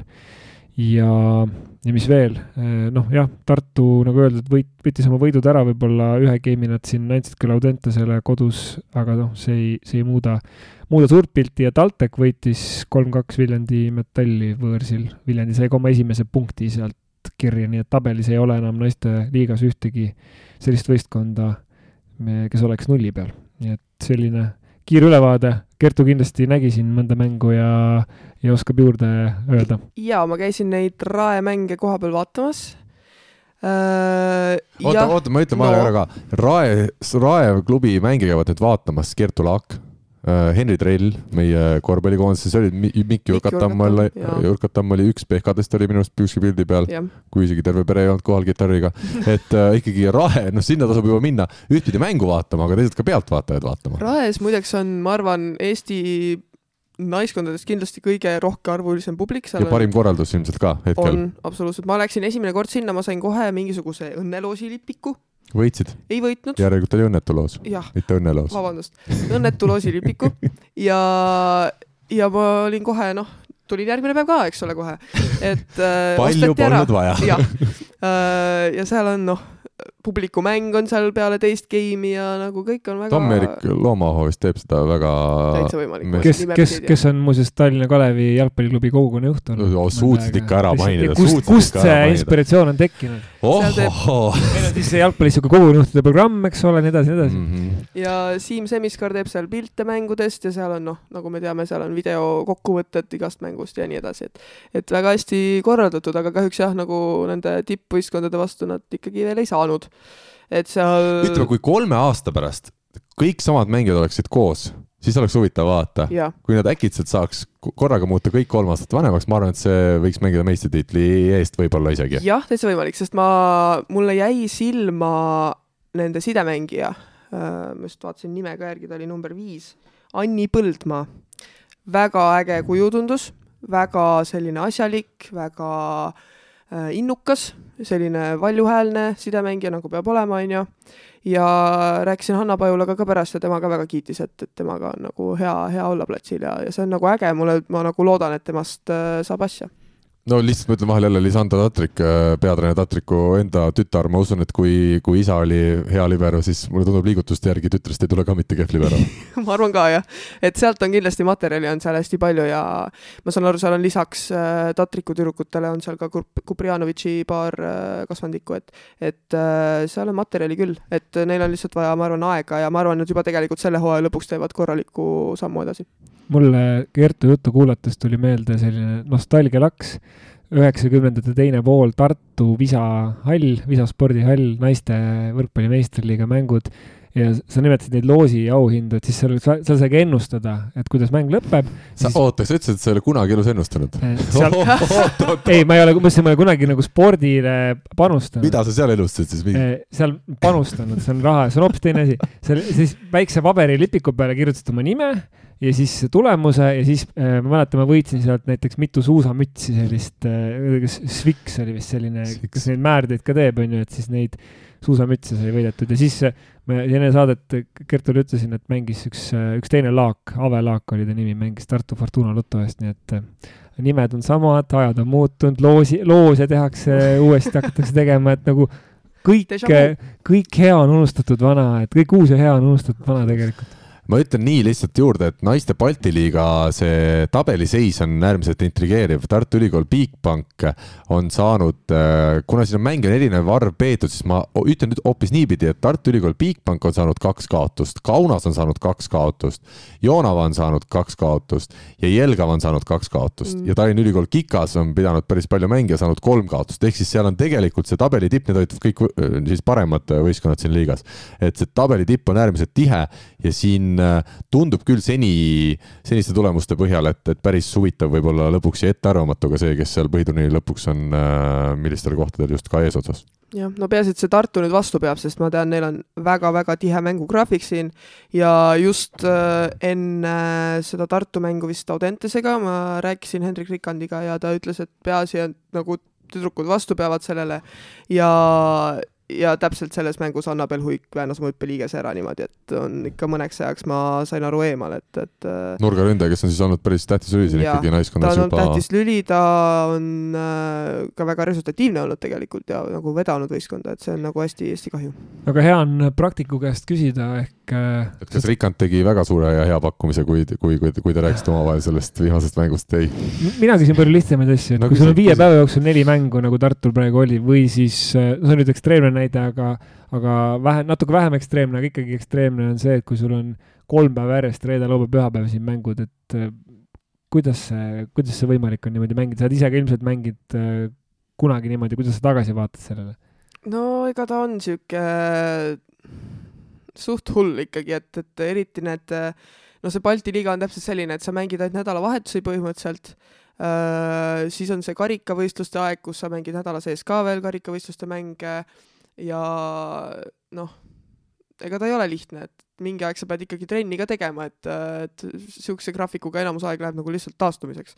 et äh, noh, see on, see on tõesti keeruline, pluss veel mõned mängijad kindlasti mängivad noorteklassi veel. Ja no ma ise mäletan oma ajast ka, kui ma mängisin noorteklassi, mängisin, noh, olid noorteklass, ma veel mängisin nii, et ma mängisin B-klassi ka veel, veel mängisin B-klassi, A-klassi, noh, sellega oli siis kolm võistlust nädalas mõlema vanuse, vanuseklassiga, mitte nädalas, aastas. ja pluss veel oli siis naisteliiga, äh, seal oli Balti liiga, karikavõistlused, Eesti meistrivõistlused nagu noh, kõik koos, on ju Äh, et no ütleme, vabu nädalavahetusi oli minu teada äkki kaks terve aasta peale. no siin, siin lööb jälle seesama, ma ütlen seesama nii-öelda ennast ohverda ja ennast ohverdav iseloom, et, et tagantjärgi mõtled, eks ole, et vähemalt mina vaatan seda selle pilguga, et kellele seda vaja oli, et sa mm. kõiki neid võistlusi mängiks. et ilmselt tol hetkel, ma arvan, sa nautisid seda täiega, sest et, sest et aga, aga mingis mõttes noh, tagantjärgi vaadates oli seda ju eelkõige vaja nendele treeneritele mm, kellel oli vaja võistkonda komplekteerida, neil oli üks väga hea lüli Jep. Eh, Kertu Laagi näol seal olemas aga noh, tark treener oleks ju tol hetkel öelnud, vähemalt kuskilt tõmmanud mingisuguse kriipsu, ma ei ütle, et noh, loomulikult sa pead ju võistlema, mängima nii noori kui täiskasvanuid, aga, aga mingi tasakaal seal peab olema, et, et see noh, treening treeninguprotsess on, on ülioluline, et, et noh, osad muidugi ütlevadki, et ah, mis trenn, et nagu mäng arendabki. trenn teeb heaks treenijaks, on ju. just, aga nagu noh, reaalsuses pluss mänguks ettevalmistamine, see pinge, see on hoopis teistsugune kõik, et mm, -hmm. et seda see oli nii normaalne nagu jah. tol ajal, et, et äh, ma oligi põhimõtteliselt kõik asjad, kui keegi kutsus sünnipäeval midagi, ma ütlesin nagu suht kindlalt ära, et ma ilmselt ei saa et ma ilmselt olen kuskil Leedus see nädalavahetus. et, äh, et see oligi nii normaalne ja no teine asi on muidugi see need äh, noorte, noorte meistrivõistluste ja noorte üldse võistluste formaat, mis ongi see, et sa lähed nädalavahetuseks kohale, sa mängid, noh, C-klassis sa mängid isegi seitse mängu vist kolme päevaga. ja kõik on kolme game'i võiduni ju? Äh, C-klassis on küll kahe game'i võiduni. aga vanematel? vanemates on kolme yeah. game'i võiduni ja noh, siis ongi jälle see, et äh, laupäevasel päeval, kui kõigil on kaks mängu, kui kõik mängivad kolm-kaks seal alguses, siis no viimased mängud hakkavad kell kümme õhtul, et no see ka normaalne ei ole, et seal on päris mitu mul endalgi läks seal mingis mängus, äh, mäletan, väänasin oma hüppeliigese ära niimoodi, et äh, vaevu seisin püsti veel, onju. et äh, noh, siis hakkavadki sellised asjad tulema ja siis pole ime, et noored on katki selleks ajaks, kui nad nagu võiksid kuskile välismaale võib-olla minna või noh, mida iganes, et, et, et see, ma saan aru, see on mingil põhjusel tehtud, sihuke formaat, aga võib-olla võiks seda nagu mõelda natuke. no üks asi on nagu kulude kokkuhoid, onju, et ja. mängime kiiresti ära, aga noh, seal tekibki see see meeletu sõitmine, see sihuke noh, sundolukord, et sa pead mängima, noh näiteks kui sa mainisid ka, et siin Leedud ja mm, -hmm. ja Lätid ja, ja Eesti peale ka ringi, ringi sõitmine, et, et ega siis noh, sõitmine on ka omaette koormus, et kui sa ja. sõidad ikkagi sinna neli tundi Riiga või rääkimata mingid Leedu otsad ja siis veel pead mängima, noh, kus siis seal elatakse, kus siis seal süüakse, et noh, et, et see on selline äh, karm, teatud piirini on seda vaja, aga teatud piirist alates on noh, siin ongi nagu ühelt, ühelt poolt on see süsteem, süsteemi küsimus, ehk siis süsteem peab olema selline, mis, mis ei lase ka tekkida teatud hetkedel neid ülekoormusi, aga teiselt poolt on ju noh, terve mõistuse treener mm -hmm. ise ütleb, et kuule, okei okay,, siin noh, noorteklassis võib olla muidugi ka see, et äh, sõltuvalt omavalitsustest, ma ei tea, kuidas noh, on, aga aga on see, et sulle makstakse rohkem raha, kui sul on tulemused. ehk siis, kui sa saavutad näiteks noorteklassis, tuled mm -hmm. seal võitjateks mingis B või A-klassis, sa esitad seal kuskil preemiale ja vald mm -hmm. või mhm. omavalitsus või linn toetab rohkem, et noh, siis nii-öelda proovitakse näidata ja noh, kellel on vaja ka seda väiksemas kohas näiteks noh, nii-öelda maha müüa seda kõike, et, et näete, minu äh, tüdrukud või poisid on edukad ja, ja tulge trenni ja nii edasi, et noh see ongi see, et see ei tohiks käia kindlasti selle arvelt ja noh, eriti kannatavad need andekamad, kes siis saavad käia mitme vanuseklassi vahel mängimas ja veel täiskasvanuid ka, et see on raske. ja siis ei tohi muidugi noh, ei saa ära unustada ka seda, et nad on ennekõike nagu koolilapsed ka, et nagu sain ka ise lugematu arv kordi teha mingisuguseid füüsikaülesandeid kuskil Taugavpilsi konarlikul teel, pärast ei saanud mitte midagi aru, mida sa sinna vihikusse oled kirjutanud. mina ei saanud ka kodus neid arvutusi tehes. sa ei saanud, oh, jah, seda noh, muidugi see oli võib-olla minu viga aga jah, et äh, kogu see kooli asi ka, et noh, ma olin veel Audenteses on ju, kus nagu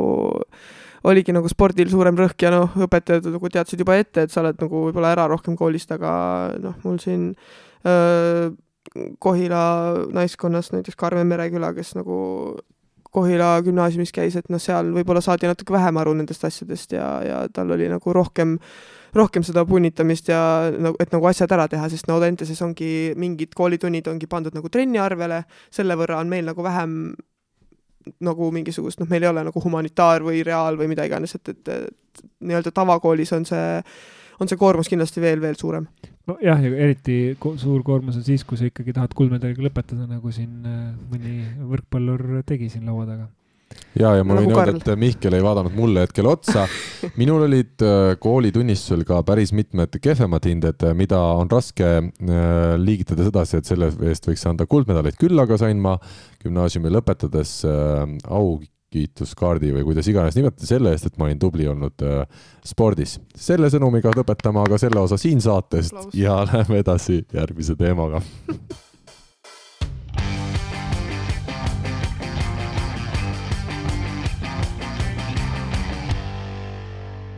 räägime siis äh, eestlastest välismaal ka, Mihkel millegipärast jätkuvalt nägu naerul muigab see eelmine saateosa lõppes kuidagi nii, positiivselt, nii hästi nagu, et sihuke elu ongi ilus. tagasihoidlik aplaus ja, ja sihuke, noh, nii nagu väärikas on, et ei olnud üle pakutud kuidagi. no näed, hakkab tulema siitki mõistlikku juttu lõpuks, on ka juba mitu kuud mehega saadet koos tehtud.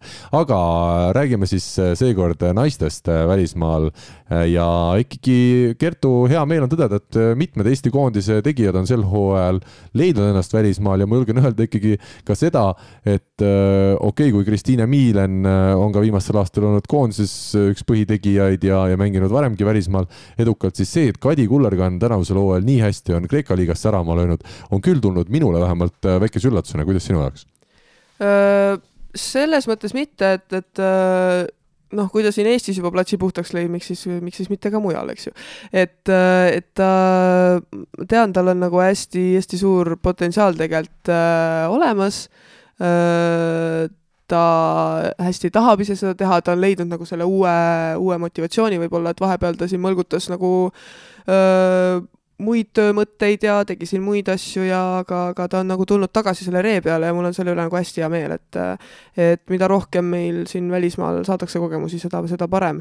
ja rääkisin temaga ka siin hiljuti ja ta öö, ütles, et tal nagu noh, endal läheb tal ilmselgelt seal väga hästi, sest ta on tõesti igas mängus vist suurim punktitooja, ta on mitmendat korda juba seal Dream Teami valitud.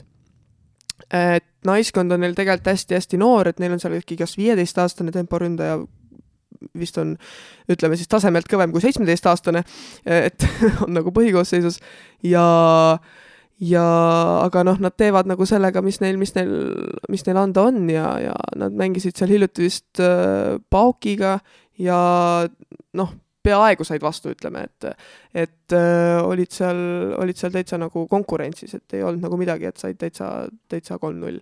ja noh, ta ütles ka, et neil enamus mängijaid ikkagi on nagu koolis veel ja, ja võib-olla käivad äh, paar korda nädalas trennis, aga aga need, kes need neli-viis tükki, kes nagu igapäevaselt olemas on, et nendega tehakse normaalset trenni ja, ja ta, eks ta teeb oma ära seal ja, ja proovib äh, nii palju aidata kui võimalik, et et ta on selles mõttes, tundub, et talle meeldib seal.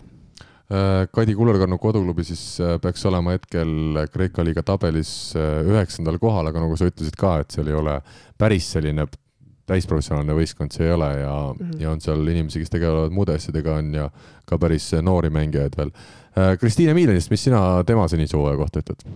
Äh, tal on ka väga hästi läinud, et äh, ilmselgelt äh, A2-s, kui sa oled ainuke välismaalane, siis sul on suured pinged peal äh,. sinult oodatakse palju ja ma arvan, ta on nagu selle välja mänginud, et äh, ja nii palju, kui ma tean, talle väga meeldib seal, ta ütles, et seal pa, nii-öelda Paradiisi saarel on väga tore elu seal Sardiinias, et et äh, eks ta saab siis Ragnar Klavaniga sellest pärast rääkida, kui tore seal saarel pärast olla on.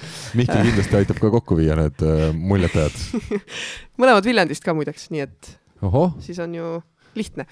aga, aga jaa, tal, talle seal meeldib ja, ja nad on seal nii mõnelegi nii-öelda favoriidile praegu nagu tuule alla teinud, et, et äh, neil läheb seal väga hästi. Ehm, keda sa veel tahaksid äh, esitada, ma tean, äh, meie noor sidemängija Kibermann oli siin, tegi eurodebüüdi, kui lugeda eurodebüüdiks seda, et olid võistkonna nimekirja arvatud, ehk siis äh, Prantsusmaa klubis meil on ta saanud oma võimaluse ja, ja päris tublisti vist treeningutel ennast näidanud.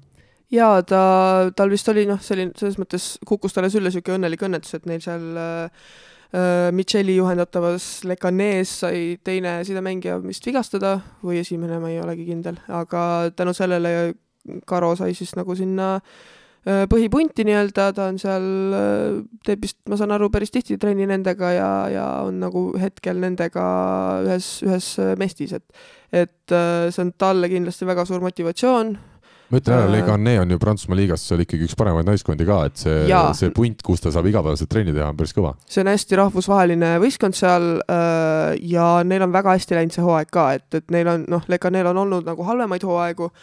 Äh,, nad olid pikalt nüüd see hooaeg liidrid äh,, nüüd vist hetkel täna hommikul vaatasin üle, Mulhouse vist on ikkagi läinud liidriks, aga, aga mm nad on teisel kohal on, praegu et, et väga-väga hästi läheb neil seal ja, ja nagu selles mõttes on äge, et, et Kibu saab sellest nagu osaks. Mis seis on täna Eesti naistekoondises ka kevadisel EM valikturniiril põhitegijate sekka kuulunud vähemalt osades mängudes äh, Julia Mõnnakmäest ja Merilin Paalost, mõlemad siin olid äh, TalTechiga tegemas hooajal trenni, aga kas sa arvad, et nad sel hooajal ikkagi Eestis kuskil mängima hakkavad või vaatavad isegi välismaa poole? Merilin Paalo minu arust mängis juba. aa, juba mängis jah? sa oled ilma jäänud. jaa, vaata sina, kui sa ei jälgi naiste liigat, siis on natuke keeruline, aga, aga ta on liitunud Tallinna Ülikool Kikasega ja tegi seal esimesed no, mängud ka. mina juba. küsisin Sten Esna käest äh, paar nädalat tagasi, et kas sa võtad kedagi endast nüüd endale, ta ütles, et ei, et tal on oma mängijad olemas, aga siin on vist need vigas-, kuigi ma küsisin pärast seda, kui need vigastused olid tulnud. no vaata, ühe võttis, varsti võtab teise ka äkki. kui ma siin Kertu poole vaatan, aga okei okay jälle pealkiri. jälle pealkiri. Mihkli laused pealkirjad ainult jalgaliidus lähevad nüüd läbi. ei, siis sa võid, sa võid panna vaata ilma ütlejata nagu jutumärgid ja, ja siis pärast, milline pettumus, see ütles nagu oh,. aga Jull? Julli, Julli kohta ma nii palju hetkel ei tea. et äh, ei tea, et oleks kellegagi liitunud seni aga eks, eks siis näha ole, kuhu ta satub et siis tekib nagu lihtsalt küsimus, et kes meil on põhisidemängija, kui koondis järgmiseks mänguks koguneb, millal koondise kogunemine on, see on alles kevadel, kevadel.. maikuu, ma arvan. siin on nagu aega, aga, aga iseenesest ega siin on nüüd noh, nii palju aega ka ei ole, et, et kaua on siis Mõnnakmaa mängupaus nüüd olnud? millal mm,? süü augustist saadik, ehk siis. et võistlusmängu sa ei ole peaaegu pool aastat varsti mm. saanud. no selles mõttes tal on muidugi noh ta saaks vanarasva pealt ka midagi mängitud, et nagu noh, ei oleks probleemi, aga eks eks tal on, ma tean, töökohustused ja, ja ütleme, ma tean, et ta teeb võrkpallitrenni ka mingil määral, aga, aga ma rohkem hetkel jah, ei, ei, ei tea selle kohta, et aga eks siis äh, siis ole kevadel, kevadeks näha, mis mis valik nagu tehakse. aga kes oleks koondise teine sidemängija siis Mõnekmaa järel praegu? no mina paneks ikka Kaisa Pahmatševi, kui tal vähegi huvi oleks äh, koondises ja ma tean, et tal viimasel aastal ju seda huvi ka juba, juba taas oli, et mm, -hmm. et kui kogemusi ja, ja kvaliteeti kokku panna, aga samas mm, -hmm. kui meil Kibermann täna teeb äh, loodetavasti hooaja lõpuni äkki isegi trenni Legane põhinaiskonnaga, siis ma usun, et noor mängija areng võiks küll selline olla, et, et miks mitte ikkagi tema juba ka põhisideja koondises. jah, ma näen küll, et Kibu võiks väga suure sammu edasi teha seal, et, et, et eks siis tuleb äh, kevadel jälle kõik need, kõik need sided üle vaadata ja vaadata, mis seal, mis seal, mis seal nagu toimub, jah. jah, nii et äh, nii palju seekord eestlased välismaal äh, rubriigi alt ja ma arvan, et on paslik võtta ette tänase saate viimane teema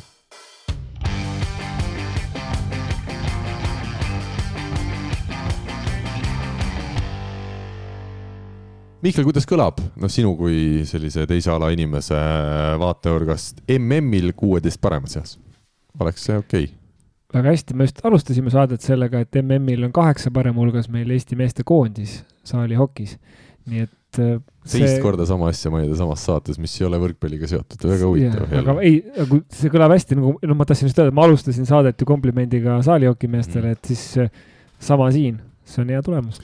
Kaur-Erik Kais ja Karmo Saviok on siis jõudnud U19 vanuseklassi maailmameistrivõistlustel Tais Phuketis kuueteist parema sekka rannavõrkpallis ja olid meie mehed lähedal ka alagrupi võidule, seal saadi jagu austraallastest ja taimaalastest, aga otsustav või mitte otsustav, vaid kolmas mäng kaotati Filipp, Filipiinidele ja seetõttu siis napilt austraallaste järel kokkuvõttes jäädi ikkagi teiseks, see tähendas seda, et otse kuueteist hulka meie paar ei saanud, pidi kahekümne nelja seas esimese play-off'i ringi mängima, seal õnnestus võtta võit ja see võit võeti siis Ungari paari üle kaks-null tulemusega see tähendab nüüd seda, et kuueteist parema seas siis eeloleval ööl Eesti aja järgi kell kolm viiskümmend, kui nüüd midagi enam ei muutu, kohtutakse Prantsusmaa paariga. Ma igaks juhuks ei hakka seda paari välja hääldama, sest äh, kuulajate seas võib olla ka minust erudeeritumaid inimesi.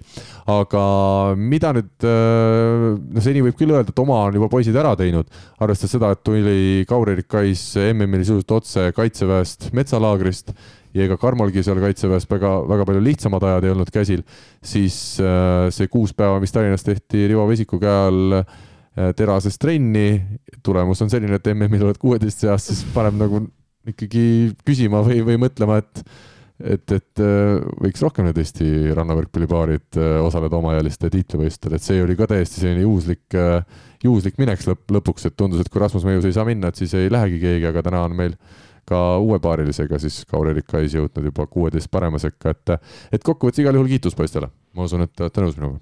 absoluutselt, ma ei osanud nagu midagi oodata sealt võistluselt tegelikult, et, et noh, nii kuidagi järsku sai see paar kokku ja, ja noh, muidu ka, et ega äh, siuksed MM-valikturniirid või noh, üldse MM-i turniirid nagu Eestile tavaliselt noh, teab, mis hästi nagu ei lõpe, aga, aga, aga tundub, et on täitsa sihuke hea paar kokku saanud lõpuks. ja no mina ikkagi Kaur-Erik Kaisi hindan pärast tänavust suve ikkagi eriti, eriti kõrgelt Äh, just oma vanust silmas pidades, et äh, kui Kaur-Erik ja, ja Rasmus Meius siis võitsid äh, Pärnus Eesti karikavõistluste ühe etapi, siis no seal ei saa juhuslikud noored enam alistada Korotkov, Lõhmust ja Tammearu ja, ja Jaanit, et, et see juba näitas, et kvaliteet on olemas ja ei ole nüüd Karmo Saviok ka nii kehv mees, et ta võiks Kaisiga hästi mängida. et, et tegelikult võib-olla me isegi liiga palju nagu kuidagi eeldame, et olemegi kehvemad ja et me ei tee mhm. aastaringselt seda rannavõrkpalli ja nii edasi. aga noh, senised vastased ei ole ka midagi erilist näidanud, mind isegi ausalt öeldes enam väga ei huvita, kas nad mängivad aastaringselt seal rannavõrkpalli või mitte. kokkuvõttes, kui ma vaatan väljakul, kuidas meie mehed tegutsevad, siis nad ei jää mitte kuidagi neile alla ja see, et meie mehed on kuueteist parema seas, on minu arust igati välja teenitud ja, ja õige asi et nüüd muidugi jääbki üleval vaadata, kuhu jõuavad Kais ja Saviauk koos siit turniirilt veel. Ja muidugi kuklas on ka see mõte, et kui Kais mänginuks ikkagi meiusega siin, siis minu aus hinnang on see, et medal ei oleks kindlasti võimatu olnud, et äh, muidugi see põrgukuumus tundub, et Kaisil eriti on, on raske, et, äh, et seal kolmkümmend pluss kraadi, kraadi peal äh, mängida neid mänge järjest ei ole kerge, aga aga vähemalt seni on need vajalikud võidud kõik äh, ära võetud. kaheksa hulka pääs oleks kindlasti juba väga kõva saavutus ja Prantsusmaa paar, ma eeldan, et ei ole tulnud ka juhuslikult sinna MM-ile, et, et peab ikka olema korralik äh, paar oma alagrupis, siis äh, need prantslased võitsid kõik kolm mängu kaks-null ja pääsesid otse kuueteist parema sekka, nii et soovime edu meie noortele. Mihkel, sa oled kuidagi vaikseks jäänud, nii vaikseks kõik on jäänud sinu ümber ja su sees. ma vaatasin neid, vahepeal neid see rannavõrkpalli U19 MM-i siis äh, noh, seda mängude graafikut, et kuidas näiteks siin meil äh, lähinaabritel, lätlastel ja soomlastel on läinud ja siis äh, naistes olid nad siin vist väljas, lätlased kukkusid küll, kukkusid vist küll välja, nii palju kui ma siit kiirelt vaatasin ja, ja võitsid siin soomlasi, lihtsalt vaatasin natukene, kuidas siin lähi, lähiriigid ja palju seal üldse siis erinevaid äh, riike väljas, väljas oli ja, ja mis see geograafia, geograafia oli, nii et tutvusin materjaliga, ütleme nii tutvusid materjaliga, see on väga ilusti öeldud. soovime siis palju edu meie poistele ja, ja loodetavasti see teekond ei lõppe mitte kuueteist parema seas, vaid sealt läheb veel ta tükk maad edasi. saate lõpp hakkab vaikselt kätte jõudma, räägime siis nädala, nädalavahetuse plaanid läbi ka. Mihkel, ma saan aru, et sa kaod ära kuskile? ei, ma tahan seda öelda, et täna äh, on äh, jah, okei okay,, ma ei tea, millal keegi seda saadet kuulab, see, selleks hetkeks on see mäng ilmselt läbi juba, ma tahtsin lihtsalt öelda, et naiste karikavõistluste poolfinaal Rae ja Audentese vahel, täna on esimene mäng. ja kummale siit tänase päeva põhjal me anname sellise eelise või favoriidikoorma? mina annan ikkagi Audentesele. selgelt Audentesele jah? Kertu ka jah? ma arvan küll. kuigi noh, ütleme Audents ei ole selle liiga kõige stabiilsem võistkond, aga aga ma arvan, neil on piisavalt seda kvaliteeti jah, et, et et võtta see võit ära, kuigi ma ise hoian pöialt ikkagi oma kallile Hanna Pajulale Raes. tervitan teda siinkohal. tervitan sind, kas kuuled? ja teine mäng on siis viisteist detsember, nii et selleks ajaks on äh, finalist teada, kes siis Tartuga mängima läheb. jah, seda tasub ka öelda, et aastase vahe järel ikkagi Tartu Ülikool Bigbank jõudis äh, finaali ja Hendrik Rikand siis oma peatreeneri karjääris esmakordselt mängimas Eesti karikafinaali, jälle millegipärast tuleb Mihklil muie ei, see näole. teist korda öeldi seda perekonnanime Rikand juba tänases täna saates. keegi jälle on juba natuke mõned promillid sees tänu sellele. täpselt. Mina aga omalt poolt ütlen seda, et äh, laupäeval meil on äh, eriline päev ikkagi rannavõrkpalli mitteametnikud, mitteametlikud talvised Eesti meistrivõistlused esmakordselt on tulemas, ma ei taha seda nalja isegi selgi, kuulda. ei selgitage ära, mis värk sellega on, mis see, mis see mitteametlik on, mida, mida sa korraldad, Karl, nagu, et, et see on mingi, kas see on mingi põrandaalune on üritus või? me teeme liiva all seda, jah, liivaalune katuse all, et ei taha lumega võidelda. katuserahadega. teised, teised spordialad, aga mis värk sellega on, et nagu, mis see mitteametlik, kes seal see on osalevad see,? et see ei ole Võrkpalliliidu eli- egiidi all ei toimu ju, siis ta on ehk mitteametlik ju. siis võitja ei saa nagu meistritiitlit kui sellist või? kui sellist mitte, küll okei, aga, aga nimi on siis nagu, mis see, mitteametlikud Eesti meistrivõistlused talvised jah, sise, sise okei. okay., nimeta neid, kuidas tahad. ja osalevad osalevad äh, Eesti paremad rannavõrkpallurid. Mina kusjuures, ma Pro- hirmsasti tahaks mängida, aga, aga võistluse peakorraldajana on natukene liiga riskantne see, et, et meil on nii palju asju, mida on veel, täna on alla neljakümne kaheksa tunni jäänud äh, turniiri alguseni, Kertu tuleb meil muide appi. nii et äh, kes ei taha rannavõrkpalli vaadata, tulge vaadake kasvõi Kertut lihtsalt seal ja rääkige juttu Kertuga. nii nagu selles lääne ühiskonnas tullaksegi enne mängu ja pärast mängu võib-olla sportlastega rääkima, nagu me enne ütlesime. aga oota, ma tahtsin ikkagi veel küsida, ühesõnaga, et, et äh, talvel sisetingimustes Eestis äh, siis liiva peal tiitleid ühtegi senimaani välja mängitud ei ole minu teada mitte. ja sina nüüd omast initsiatiivist teed ühe turniiri ja, ja nimetad seda siis mitteametlikeks Eesti sisemeistrivõistlusteks. täpselt nii. selge, ma sain nüüd asjast aru. aga sa küsisid, kes seal osalevad Jah., ma, ma väga loodan, meil on laupäeva õhtuseks kella kuuest on selline täiesti eriprogramm, muudel väljakutel lõpetatakse mängud ära, tekib peaväljak, tekib ka sinna väljaku taha selline mõnus nii-öelda lounge'i ala, kus on söögid-joogid, pealtvaatajatele kõik tingimused loodud, et seal juttu rääkida, võrkpalli nautida ja, ja lihtsalt mõnusat laupäeva õhtut äh, veeta. kell kuus siis hakkab U kuusteist tüdrukute äh, finaal, kus on siis kaks paremat äh, Eesti noorteduot, kell seitse on U kuusteist vanuseklassi poiste finaal, kell kaheksa on siis naiste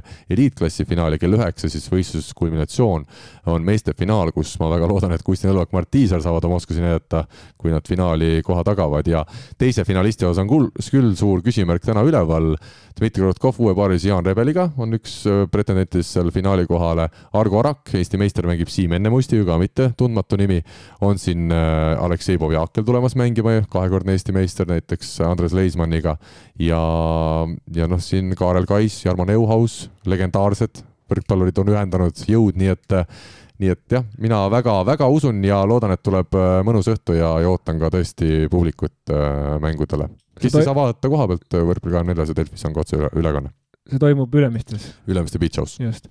et äh, ma lihtsalt mõtlen, et kas sellist nagu, kas, kas on vaja, kas, kas teistes riikides näiteks mängitakse talvel välja ranna siis nagu meistrivõistlused või kas see võiks olla selline asi, mis oleks täitsa ametlik Eesti meistrivõistlus? mina arvan, et ta on kindlasti lähiaastatel ta on ka ametlik, sest Eesti rannavõrkpall, nagu sa ütlesid jalgpalli puhul, et kui neid halle hakkab tekkima, sama on ju rannas veel eriti, kuna ranna sa ei saa mitte kuidagi muud kui ainult sees teha, eks ole, talvel. et kui see ala meil kinnistub, muutub veel natukene populaarsemaks, siis on see ainult aja küsimus, ma arvan, kui on ka ametlikud Eesti meistrivõistlused veel suuremalt ja veel paremini tehtud, kuigi hästi teeme kindlasti ka meie neid. kas on võimalik üldse veel paremini teha? no saab näha, mul on endal veel täna jah, tõesti nii palju asju vaja korda ajada, enne kui turniir laupäeva hommikul käima läheb, et siis äh, loodame, et, et kõik õnnestub hästi. Aga tänane saade on lõppenud, Kertu, suur tänu sulle siia tulemast, ka päris julgelt ja ausalt asjadest rääkimast, nagu me Mihkliga vist mõlemad siin saate jooksul ka tõdesime, et et sa ei, ei ole ainus inimene, kellel on äh, oma tegevustes olnud raskemaid aegu, ma arvan, see käib elu juurde ja, ja me kõik mõistame seda ja ja me kõik usume ja näeme, et paremad ajad äh, saavad sellele kõigele järgneda, nii et äh, kõike paremat sulle ja ma loodan sind varsti jälle saates näha. jah, ma väga tänan ja kindlasti tulen jälle, kui ma kuskile mujale ei lähe. ja, ja järgmine kord on juba see, et sinu jutt on nüüd ära räägitud, nüüd sa saad osaleda siis kui selline, et ei pea endast ja. rääkima, et sa saad rääkida Aga... Teistest. jah, võib-olla see ongi siuke teraapia koht natuke. on kindlasti. noh, kogu see kuu-, ma arvan, see kuulamine on ka teraapia, ma Jah. väga loodan mõnele inimesele. kuulamine on teraapia või? jah, selle saate kuulamine, et, aga võib-olla mõnel on selline nagu masohhistlik teraapia ja mõnel on selline nagu sihuke lõdvestav. Nagu Mhm. kuulaks sellist head klassikalist muusikat või linnulaulu, aga mõni kuulab uibalehte. mõni kuulab Rinaldot. head võrkpallisõbrad, nende sõnumitega täna lõpetame, oli meeldiv, kohtume jälle. hurraa. nägemist. Eesti kõige põnevamad podcastid on Delfis, kuula tasku.delfi.ee